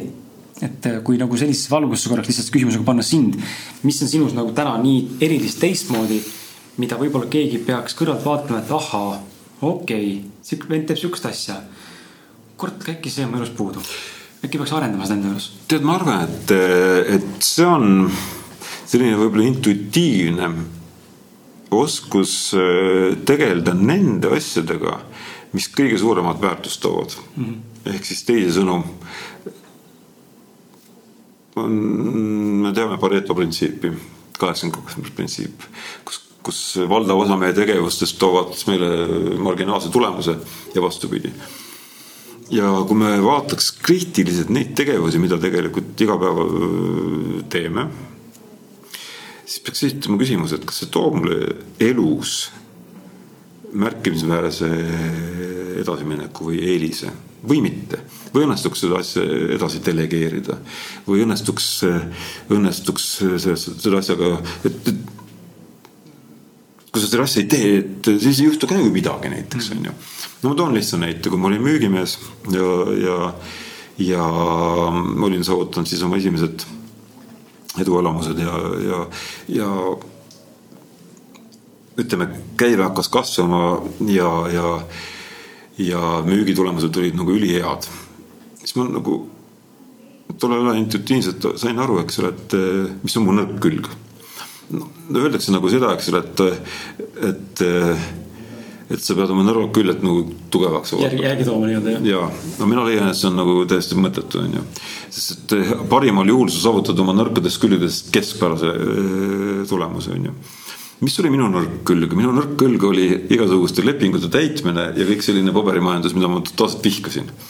ja alati oli mu lepingud olid vigaselt täidetud, mingid kalad olid sealt sees ja, ja, ja, ja nii edasi. nii et see oli minu nagu nõrk külg. ja mis ma siis tegin? kuna ma nägin, et mu nagu põhiline sissetulek või põhiline väärtus, mida ma ettevõttele toon, on see, kui ma veedan aega kliendiga.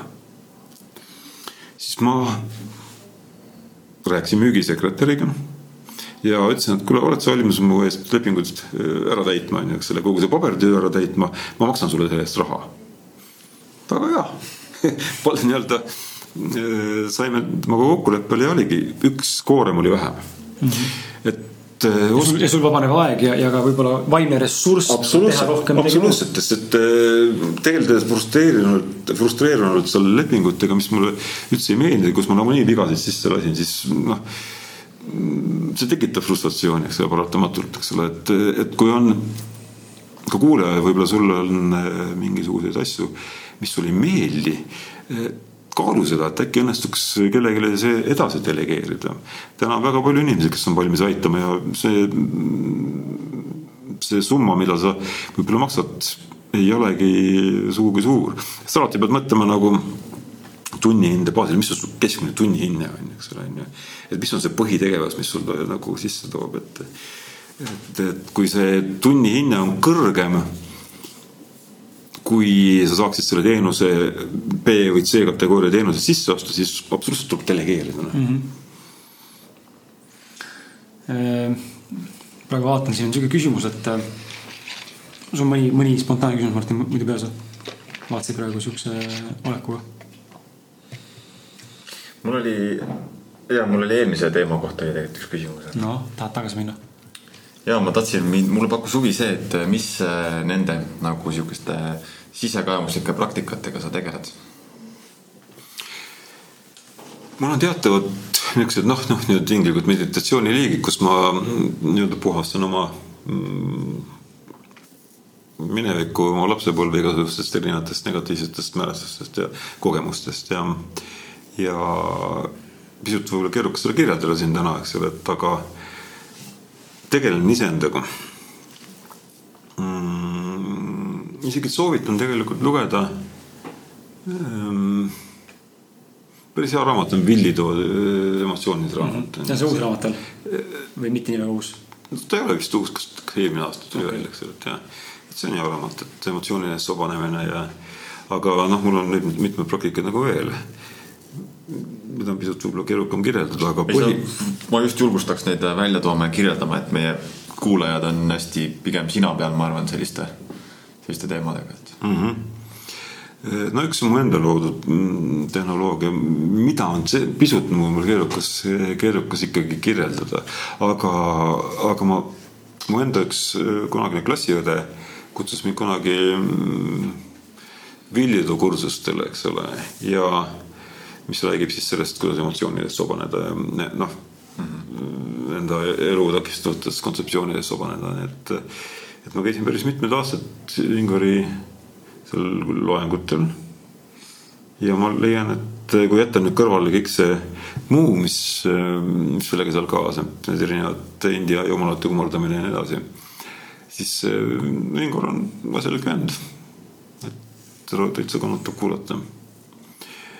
ja mul on, mul on väga palju selliseid erinevaid asju teinud, alates noh, reikist, eks ole, ja, ja, ja EFT tapping, eks ole, ja mm, -hmm. ja muud meetodid. aga põhimõte, noh, ükskõik missugust meetodit ka üks inimene kasutab, kui see toob minu pärast olgu see ka absoluutselt tavaline psühhoteraapia on ju, eks ole, et kui see aitab sul eh, seda mineviku taaka, mis meil tegelikult kõigil on, aitab vähendada, siis meie elu ise muutub õnnelikumaks. mul paraku lihtsalt on vaata inimesed sünnivad sellise erineva, noh, igaüks tõmbab erineva loteriipileti mm. -hmm. mõni satub perekonda, kus on väga toetav, väga empaatiline mm, -hmm. väga, väga, väga tore kõik, eks ole. minul kahjuks nii ei olnud, eks ole, minu ema oli ääretult äh, vägivaldne. Ja ääretult äh, noh, sellise, isegi saan öelda nagu julm. eks äh, ja olles ise nüüd soliidses kõrges keskeas, see on nagu niivõrd hämmastav, et, et noh, nagu öeldakse, et aeg parandab haavad ei parandada midagi, eks ole. et see on äh, halestusväärne enesepettus, eks ole, et me võime olla saja viiekümne aastased ka, eks ole, siis tuleb meelde, et keegi viiendas klassis, mitte viiendas, isegi lasteaias võttis sul midagi käest ära, eks ole, ja sa vihastad selle inimese peale, kuigi siin. no ma toon lihtsalt ilmekaid näiteid, et kasvõi ma väga pikalt kandsin seda ema ja ütleme siis noh, ütleme siis lapsepõlve nagu taaka endaga kaasas, no see mõjutas mu kooli ja, ja see mõjutas üldse noh, väga paljusid asju, eks ole, et täna ma nüüd just eriti just viimane aasta, kus ma olen aktiivselt endaga tegelenud, ma olen tundnud väga tugevat vabanemist. et sisuliselt ikkagi nii aastakümned on, olen olnud mingisuguse sordiini all mm. -hmm ja, ja ja see ongi võib-olla või, tekitanud ka nagu sellise nagu chill'i tunde, et tegelikult ei olegi vaja nagu kõik needsamad asjad, no ütleme, see on väga, kõik on seoses. kui sul on mingid kompleksid, siis sa püüad seda kompenseerida mingite välisasjadega, eks ole, kui sul on mingid kompleksid, eks ole, enamasti lapsepõlvest on ju, siis sa käitud inimestega ebaadekvaatselt, eks ole, püüad olla, ma ei tea, kõva mees või, või vinge naine, eks ole, on ju, ja, ja, ja ma just viimati jäi mul silma Osho mitte Osho, vabandust, Eckart Tolle üks, üks tsitaat, mis kõlas selliselt, et, et viha ja agressiooni eeskätt isegi valdavalt muidugi ka meesterahvad peavad selliseks dominantsuse ja juhtimise tunnuseks, on ju. aga paraku on traagika selles, eks ole, et viha ja, ja selline viha ja vihastamine ja selline mm, agressiivne käitumine on tegelikult lapsepõlvest lahendamata valud, traumad, eks ole, mida inimene endaga kaasas kannab. sest mõtleme selle peale, kui meil, kui meil on kõik on ju paigas, me ei vihasta ju kellegi peale. Mm -hmm.. noh, keegi midagi ütleb, noh, sa vaatad niimoodi rahulikult selle asja, mitte sa ei reageeri, eks ole, on ju et see on täpselt sama lugu, eks ole, et nagu koer, keda on äh, kogu aeg siis piinatud ja, või tümitatud, eks ole, ja kui sa seda järjekordselt lööd, siis ta loomulikult ründab sind, eks ole, onju. et, et, et nii need inimesed, me ja kaasa arvatud mina ka olen eluaeg käitunud ja mul on väga palju inimes, inimsuhteid selle tõttu, vabandust väljendust, perse keeranud, eks ole. oma isiklike lahendamata traumade tulemusena. nii et selle teadlikkuse nagu tõusu tõttu ma olen suutnud ennast ikkagi hakata adekvaatselt jälgima ja, ja aktiivselt ennast puhastama, eks ole, et kui tekib ikkagi mingisugune noh, mis iganes negatiivne olukord, siis ma püüan pigem, pigem selle olukorra kõigepealt enda sees ära lahendada, on ju, eks ole. et, ähm, et, ähm, et elu oleks, lihtsalt rahulikum et võimalikult, võimalikult vähe teistele inimestele kannatusi valmistada. aga võib-olla elu oleks rahulikum, lähekski küsimusega võib-olla selles suunas, et äh, lähtume siis eelkõige küsimuse juures tagatoast olevast müügitöö positsioonist või siis mingist muust juhtivamast või sellisest vastutustundlikumast või, või positsioonist, kus sa pead karjääril tegema rohkem otsuseid ja sa pead olema rohkem pildis ja võib-olla tegema ületunde noh, tegelikult kunagi ei pea, aga see on su valik mingi põhjusel on ju, et on nii juhtunud ja niiviisi juhtub niimoodi. et äh, küsimus on selline, et äh, kui tähtsaks pead sina inimsuhteid äh, ja, ja kuidas leida enese ülestöötamise perioodil tasakaal suhete hoidmise ja oma karjääri või äri käima lükkamise vahel? sest et tihtipeale juhtub see, et me lähme all in'i enda töö juures ja me unustame enda perekonna või, või lähme all in'i, unustame sõbrad, unustame enda tervise ees hoolt kandes, me ajame taga mingit, kas siis raha X numbrit, X autot, X maja, X korterit, X unistust. meil jääb ära enese, eneseteostus, meil jääb igasugune enese mingisugune töö ära, perekond, sõbrad, enda huvid, hobid, tervis. me lihtsalt oleme all in selles töös, rapsimises, tõmblemises, me saaksime midagi, mis teeb meid justkui õnnelikuks ja kohale jõuame, tegelikult näeme, et fuck it, ma sain selle, aga kõik muu on läinud. kuidas leida tasakaal? Kuidas, kuidas teha tööd niimoodi, et sa teed efektiivselt äri ja tööd, aga sa ei keera perse enda elu ümberringi? vaata, iga inimene peab tegelikult jõudma, ma võin, me võime siin anda koos soovitusi, näiteks ütleme sellisele tõelisele workaholicule, kellel on tegelikult ambitsioonid, on ju. ja kes tahabki endale saada uue, uhkemat maja, uhkemat autot kui naabril ja mis iganes, on ju, eks ole, me võime öelda, et kuule sorry sõber, et see ei ole nagu, see ei ole point, eks ole, pühenda oma lastele rohkem tähele, pühenda oma elukaaslasele. aga see jookseb tal ühest kõrvast sisse, teisest välja, sest see on tema nagu valik, on ju. et, et loomulikult minu soovitus oleks. no ma olen samamoodi ise rapsinud tööd teha ja pidanud mingisuguseid materiaalseid asju tähtsamaks kui, kui muid asju. aga ma võin öelda nagu ühte asja, et, et et lapsed on minu, mul on tütar neliteist ja poeg seitseteist, Oliiva ja Lukas. ma olen nende üle üliõnnelik ja, ja ma olen, ma arvan, et kuigi me kahjuks ei ela koos, sest me läksime laste emaga lahku tükk aega tagasi, siis kui tüdruk sündis aga mul kas last, näiteks laste emaga on ülihea suhe, kuigi alguses oli see muidugi nagu kass ja koer onju.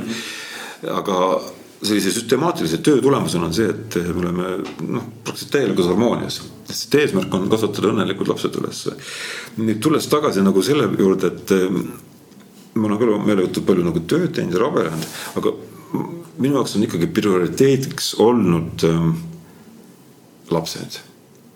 persse see töö on ju, aga laps, seda aega, mis mul õnnestub lastega koos olla, kuna nad on kasvõi väiksed, eh, ei tule mitte kunagi enam tagasi, on ju tööd ma jõuan alati teha.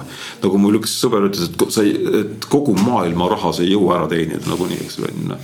no see on ju selge, eks ole, noh. ja, ja, ja, ja siis, kui sul on mingisugune, ma ei tea, miljonid on koos, on ju, või mis iganes summad sul inimesel on koos. aga sa vaatad, et su lapsed on, on täiesti omaette elu, nad võõrdunud sinust no siis tekib küsimus, kas sa oled nagu õnnelik on ju.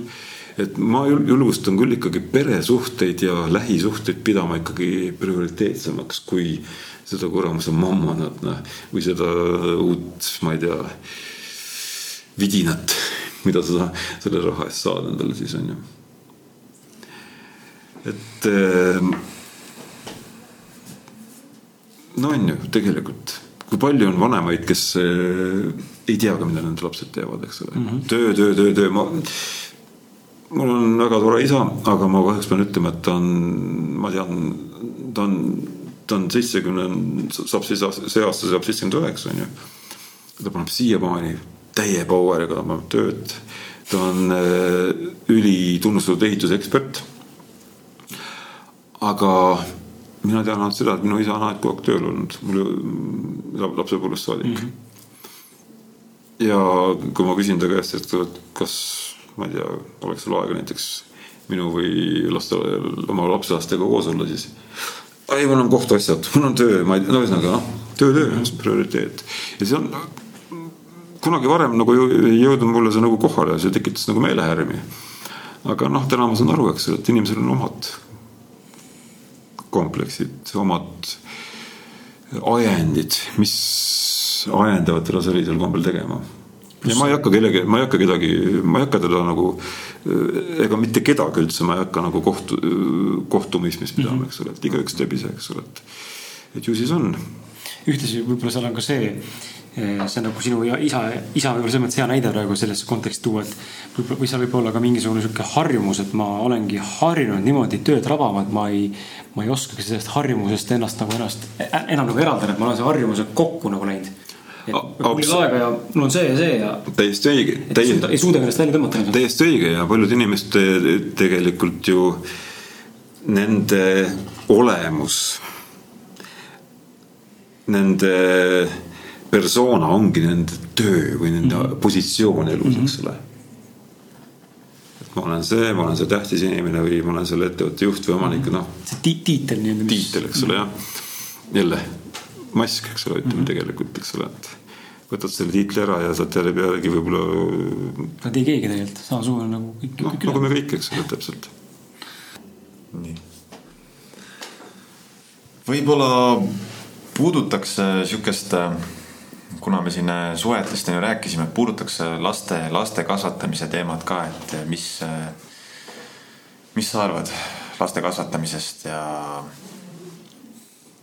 äh, kuidas lapsi kasvatada?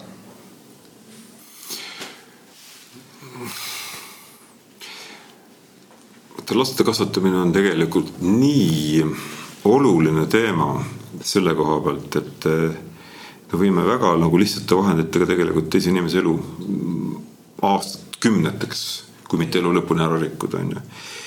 ja täna õnneks räägitakse väga palju äh, sellest, kuidas lapsi armastavalt kasvatada ja, ja, ja absoluutselt taunitav on laste karistamine, rääkimata füüsilisest karistamisest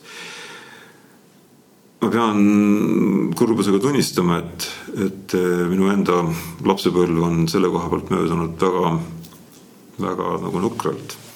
noh, see on selline loteriipilet eh, ühe sõbraga, kellel on noh, pisut analoogne kogemus, väga tuntud inimene, eh,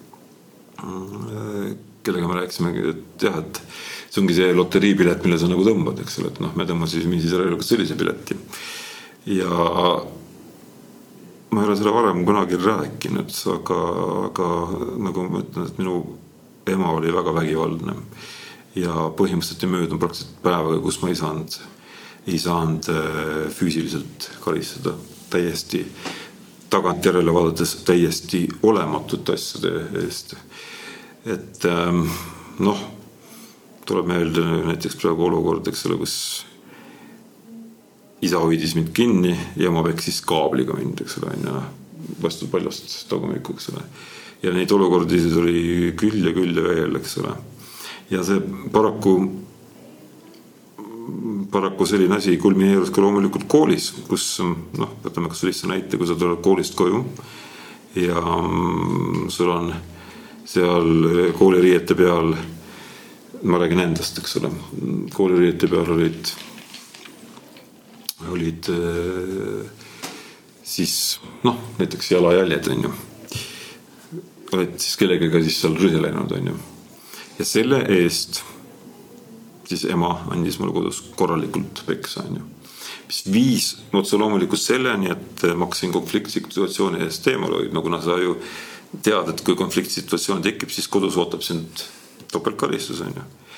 ja ega lapsed on ju vägivaldsed, ega nendel ei ole väga palju empaatiat, mis, mistõttu ma tegelikult tohutul kurbusega tohutu kurbusega alati vaatan ja loen ja, ja mul on tihtipeale tuleb isegi pisar silma, eks ole, kui ma loen äh, koolivägivalla kohta, kus äh, lapsed, kes on nagu outsider'id koolis või, või keda, keda siis kas siis emotsionaalselt või füüsiliselt äh, piinatakse, onju.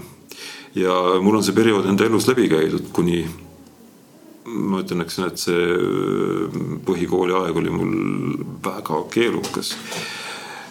see lõppes seitsmendas klassis, kui ma oma kahele põhilisele norijale kolhakat andsin, kes oli tegelikult, üks oli karate vend ja teine oli lihtsalt oli hästi tugev vend, eks ole, et äh, ja ma lihtsalt võtsin alguse, andsin kolhakat nendele ja siis automaatselt juhtus see, et kogu klass hakkas mind respekteerima ja pärast seda ei ole, noh, pärast seda nagu, nagu elu muutus, on ju.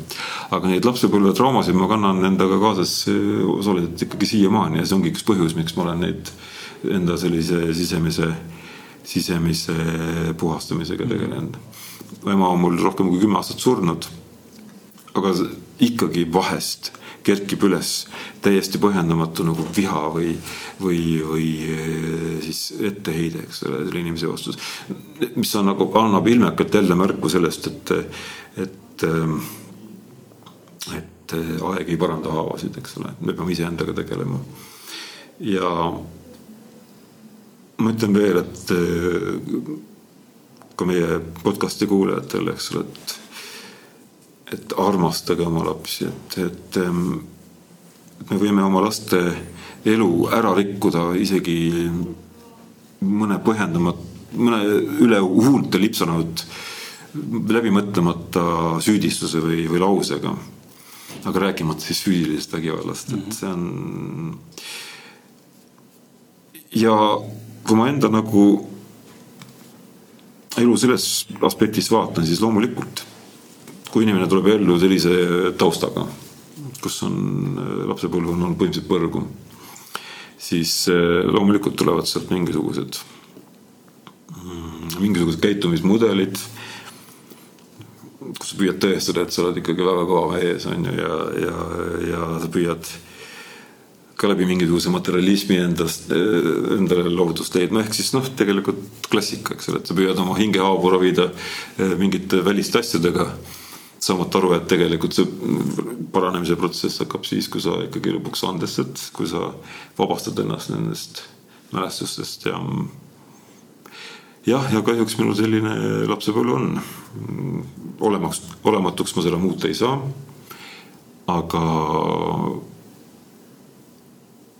ma saan öelda meie kuulajatele lihtsalt seda, et palun armastage oma lapsi ja, ja see ei tähenda nende laste ülekuldamist, aga see tähendab laste mõistmist ja nende, nendest arusaamist. aitäh sulle, et sa jagasid, et äh, ma arvan, et mis üldse on nagu hästi-hästi oluline, mitte ainult selle kogemuse juures ja sinu, sinu loo juures, vaid äh, nüüd üldse nagu see arusaam, et, et äh, me kõik noh, ongi, sünnime erineva loto ja erinevate äh, nii-öelda selle elupokkeri käega nii-öelda ja tegelikult äh, kõigest sellest sitast on võimalik välja tulla, kui meil on endal piisavalt distsipliini ja pealehakkamist, et olla valmis nagu vaatama otsa iseendale ja iseenda sellele pasale, mis meiega juhtunud on, oleme siis selles süüdi olnud või siis mitte, onju. ja sellega tegeleda, et lihtne, mingil määral on nagu mulle tundub, et julged on need, kes julgevad tegelikult sellest läbi uuesti minna, et seda lahustada endas noh, uuesti, pardon, uuesti läbi kogeda emotsionaalselt ja, ja mentaalselt. et see lõpuks laheneda, sest et noh, muidu see jääbki kestma elu lõpuni ja mina täna tegelen ka väga tugevalt, noh, ma pole küll väga palju peksa saanud, aga kindlasti mingid etapid on mu meeles selgelt, kus ma sain peksa isa käest. aga, aga minul on näiteks väga suur trauma selle lapsepõlves sellest, et ma ei mäleta, mis vanusest see peale hakkas, aga kuskilt maalt hakkas peale see, et ma olen nii peenikene.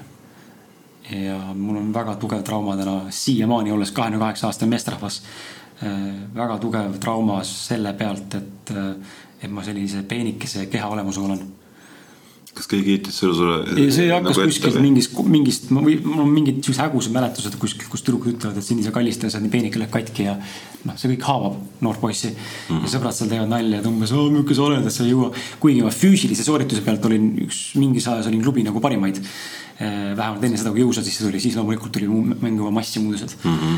aga, aga mul ei olnud kunagi füüsiliselt mingit probleemi, aga ikkagi oli see, keda narriti nii-öelda kas, kas, kas ka isa oli sul see, kes äh, seda ette heitis? ma ei tea, ma noorena ei mäleta, et isa oleks ette heitnud seda mulle, ma tean, et ta oli küll see, kes mind spordirajale sundis ja surus, mis mul lõpuks lõppes sellega, et ma tegin karateed, jalgpalli, käsipalli ja lõpuks ka taiboksi, aga, aga mind ei kõnetanud. Äh, käsipalli tegin kõige rohkem vist kümme aastat peaaegu, aga lõpuks ikkagi tulin ära, siis ma nägin, et see ei rahulda mind ja see ei ole minu, minu ala. Aga täna vanemas eas isa küll vahepeal teeb siukseid äh, torkamisi, siukseid nalju, et sul pole kõlalihas välja arenenud ju, mis värk on, et kuule, mis käed ja peenikesed värk on et ma olen nagu vanem ja ma olen siin ju vanem kui sina, et aga mis asja teen küll rohkema raskusega trenni kui sina. Need nagu ikka haavavad, tuletavad jälle meelde selle haava, ärka, ärkatavad ellu selle. jälle, see on niuke mm, inimese nagu mõtlevad, mõtlematud äh, repliigid võivad tegelikult esinemisel väga palju haiget teha, eks ole. selle asemel, et toetada, eks ole, selle asemel, et kuidagi äh, kuidagi olla nagu toeks ja aidata, eks ole, mis peaks olema meie kui vanemate roll mm. -hmm ja, ja heita oma lapsele ette, et sa oled liiga paks või liiga peenik või liiga ebasportlik või noh, come on. noh, kui ma, kui ma nagu tagantjälgi ajateljel jälle tagasi vaatan kogu seda oma, seda nagu, seda pagasit, kust ma siis nagu tulin, eks ole, siis ka loomulikult see mingi hetk avaldas väga tugeva agressioonina, selles mõttes ma hakkasin eh, tegema sporti, eks ole, käisin Mm, hakkasin tegema boksiga. ja siis loomulikult oli, oli, oli see, et oli vaja minna ja kellelegi, ühesõnaga noh, päris kõvasti, kõvasti oli siis. Näidata neid oskuseid. näidata oskuseid, eks ole, jaa. et, et, et siis tõestada, et sa oled nagu tegija, eks ole. noh, muidugi üks vahe, kus ma tegelesin sellise põneva, jutumärkides põneva vallaga üheksakümnendatel nagu autorendiga. see oli muidugi on selline põnev aeg, kus sattusin kokku igasuguse noh, kuidas nüüd öelda siis pehmelt öeldes ühiskonna, no ütleme siis kriminaalse elemendiga, kes siis ja kes siis rentisid autosid, sõitsid neid puruks, tahtsid varastada, siis oli paratamatu, pidi, pidi viima inimese metsa ja neid kolkima onju, eks ole, et aga, aga tulles tagasi selle aspekti juurde, eks ole, et kui me tuleme, no ütleme nii, agressioon on ikkagi täpselt ongi lahendamata valud. Mm.. ja kui ma vaatan neid olukordasid, kus ma olen kellelegi kas füüsiliselt kallale läinud, kakelnud või siis verbaalselt solvanud inimest, eks ole. see on mu enda isiklik tegelikult tragöödia, sest et, et inimesel, kellel ei ole, nagu ma eelnevalt ütlesin, eks ole, kellel ei ole kes on põhimõtteliselt paigas, on ju mm. -hmm. ta ei käitu nii. ja selle võrra ma olen hakanud paremini aru ka saama nendest inimestest, kes ühel teisel kombel tegelikult meie, meie jaoks siis võib-olla mitte, mitte adekvaatselt või, või siis taunitavalt käituvad. et äh, mõistad neid, tegelikult kahjuks tal on endal lahendamata küsimused mm. -hmm. et see see on, annab mulle päris palju juurde nagu empaatiat, et ja, ja tulles tagasi korra müügitöö juurde, et empaatia ma leian, on üldse üks olulisemaid omadusi, mis peaks olema igal äriinimesel või müügiinimesel. et oskus saada teisest inimesest aru, oskus teda mõista, vaadata läbi tema silmade olukorrale. mitte, mitte vaadata viltu ja anda nagu hinnanguid mis iganes põhjusel on ju. täpselt sul on ka, Martin, mingeid mõtteid, mis eh, võisid praegu esile kerkida siin selle äkki näite ja minu näite põhjal lapsepõlvest? No me oleme ma mõtlesin midagi uut nagu, kas see nendest teemadest jah nii palju rääkinud juba siin saadetes, et, et ma arvan jah, mul midagi uut hetkel ei ole, et et suurim väljakutse on endiselt see, et kuidas, kuidas nagu lahustada endasse viha äh, ja pettumus enda isa vastu, on ju, ja kuidas hakata just nägema seda kõike läbi selle kaastunde ja läbi selle, et ma näen, et kogu see viha ja agressioon on tegelikult tema enda lahendamata valu, mida on sees nii palju, eks ju, ja millele ta ei ole veel valmis otsa vaatama, et et eks see on jah endiselt see väljakutse, et hetkel ma seda teha ei suuda, ikkagist tema agressioon ärritab mind meeletult ja, ja alati ma ikka lõpuks ka murdun ja vastan talle agressiooniga, eks ju, ja, ja alati jälle see suhe jälle saab lõhutud, on ju, aga noh, eks ole näha, kuhu see jõuab. No teist inimest on meil teadupärast suhteliselt raske muuta, me saame muuta ikkagi tegelikult lõppkokkuvõttes ainult iseennast ja, ja enda vaadet sellele, enda reaktsioone ja enda suhtumist, et selle tõttu ma leian jah, et noh, loomulikult neid erinevaid tehnoloogiaid, erinevaid õpetusi ja lähenemisi on nagu niivõrd palju, et lõppkokkuvõttes on täna isegi tihtipeale raske leida enda noh, leida midagi, aga mida ma olen, ma loomulikult ma olen väga palju erinevaid asju proovinud, eks ole, erinevaid praktikaid ja meditatsioone ja joogasid ja nii edasi. aga, aga mis on oluline, on see, et leida endale jaoks mingisugune asi, mis inimene, mis ühesõnaga mis vea minust inimesed teevad, on see, et nad proovivad ühte, proovivad teist, nad ei lähe mingi asjaga sügavuti, eks ole. ja kui sa nagu, sul on väga palju informatsiooni, sul on väga palju erinevaid tehnoloogiaid, meetodeid. ja, ja siis üks tundub huvitavam, jätan ühe pooleli, lähen järgmise juurde, loodan sealt saada nagu abi. see ei aita, siis tuleb mingisugune muu asi. aga pigem mingi, mingi asjaga sügavuti ja kui sa lõpuks saavutad sealt äh, tulemuse palun tegele sellega, kui ei saavuta tulemust, okei okay,, siis sa vähemalt oled sügavuti sellega tegelenud. et ähm, mingite praktik-, praktikate võtab ikkagi aastaid aega, et enne kui sa saavutad ikkagi selle, et need asjad hakkavad toimima. nii et ähm, ma julgustan inimesi mitte olema nagu pinnapealsed selle koha pealt, vaid äh, võta üks asi ette, mine sügavuti, tee see asi selgeks ja, ja, ja, ja tegele sellega iga päev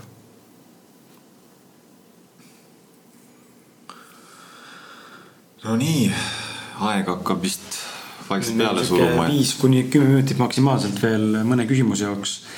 või siis, ähm, või siis, kui sa äkki tunned, et sul on midagi, mis praegu jäi meil siin täna saates käsitlemata, aga see on äh, nii-öelda südamel, mis mõtteis või mida, mida on jagada või mida tahaksid äkki öelda või rõhutada või reklaamida või mis iganes, et see on ka see võimalus praegu. Ah, okei okay,, reklaamida jah sul on uus raamat välja tulemas. ja mul on uus selleks ajaks tegelikult, kui me saate teeme, see võib-olla on väljas juba. ja järgmiseks nädal, jah. siis see on väljas juba, sul on uus raamat väljas juba. räägi uus raamatust. uus raamat on hästi vahva, see on ähm,. selle raamatu pealkiri on Ebatraditsiooniline müük, maailma kõige pöörasem müügiraamat või müügistrateegia, mis avab su klientide südamed ja seda ma julgen tõesti väita, et tegemist on maailma kõige pöörasema müügialase strateegiaga üldse, mis saab olla. ehk siis ähm, kui me võtame näiteks turunduse, siis turunduses on eristumine, asjade ebatraditsiooniline tegemine number üks asi sa ei saa, sa ei saa saavutada edu, kui sa teed asju tavapärasel kombel.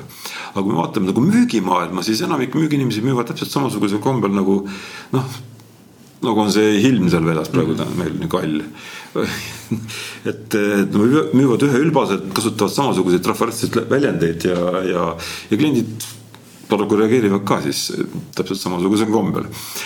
selles raamatus ma õpetan inimesi totaalselt raamidest välja tulema kuidas asju teha diametraalselt teistmoodi, kuidas teha, kuidas purustada raame, kuidas mittekonventsionaalselt äh, lähenedes saavutada tohutu läbimurre. Äh, kuna ma neid koolitusi, selle ala koolitusi olen, olen varem teinud ja olen saanud enamasti väga head vastukaja siis oh, mul on tulemas nüüd jah, nagu ma ütlesingi, et see õpetajate, vist ütlesin, et mul on see mhm. õpetajate koolitus tulemas, kus ma räägin ka juba traditsioonilisest lähenemisest ja loovusest.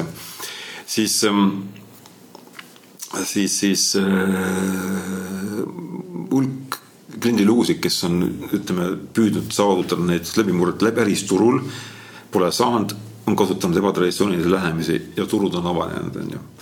et ähm, no ma ei hakka selle raamatu sisu põhjalikult võib-olla kirjeldama, seda saab kas või praegu veel eeltellida, kui soovite, võin ma reklaami teha. Et äh, ikke.ee kaldkriips ebatraditsiooniline, pult, ikke.ee kaldkriips ebatraditsiooniline. ja ma usun, et sellega tuleb müügimaailmas päris palju uut niisugust värsket verd, sest et väga palju öeldakse, et ah, müügis pole nagu midagi uut ja kõik on sama vana, eks ole, onju. sellega ma tahan selle, selle, selle püüdi purustada täpselt, jaa. et nii palju siis väikest reklaami aitähtele, et võimaluse pakkusite, jah. absoluutselt Äh, ei oskagi rohkem midagi öelda. Äh, aitäh sulle. ma ei, ma ei arvanud tegelikult, et äh, tänane saade läheb nii sügavaks. mitte üldse nagu negatiivses mõttes, et ma arvasin, et saade tuleb pinnapealne, mitte kindlasti mitte.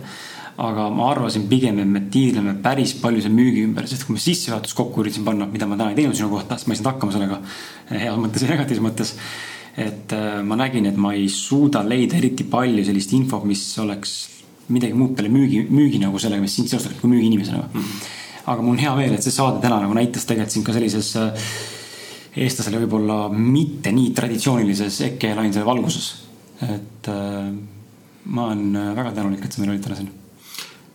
ma tänan sul, sind ja Martinit selle eest, et te kutsusite hästi, hästi, hästi mõnus vestlus, et, et ega see ongi esimene kord, kus tegelikult ma olen rääkinud nendest asjadest võib-olla, mida ma ei ole kunagi varem rääkinud.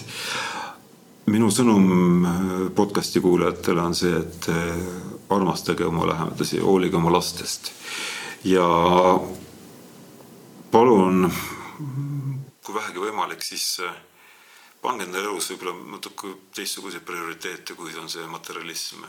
et, et peale töö, peale äri on ka muid, muid olulisi asju elus, eeskätt lähedased.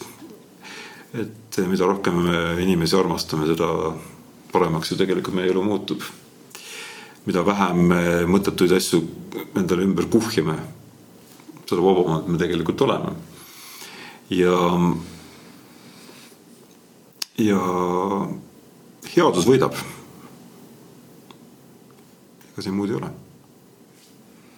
aitäh mul on ka, ma olen tõeliselt nagu sihuke tunne sees, et nagu mul on nii hea meel, et sa tulid, et sa avasid ennast ja. ja, ja mind, mind puudutas kõik see, mis sa rääkisid. ja. jah, tänu, tänulik ka teile, kallid kuulajad, kes te olete jõudnud selle järjekordse saate lõpuni ja, ja loodame, et, et see puudutas ka teid. ja, ja saite endale siit kõvasti jälle inspiratsiooni, väärtust. nii et egas midagi, olge mõnusad ja kuulmiseni. tšau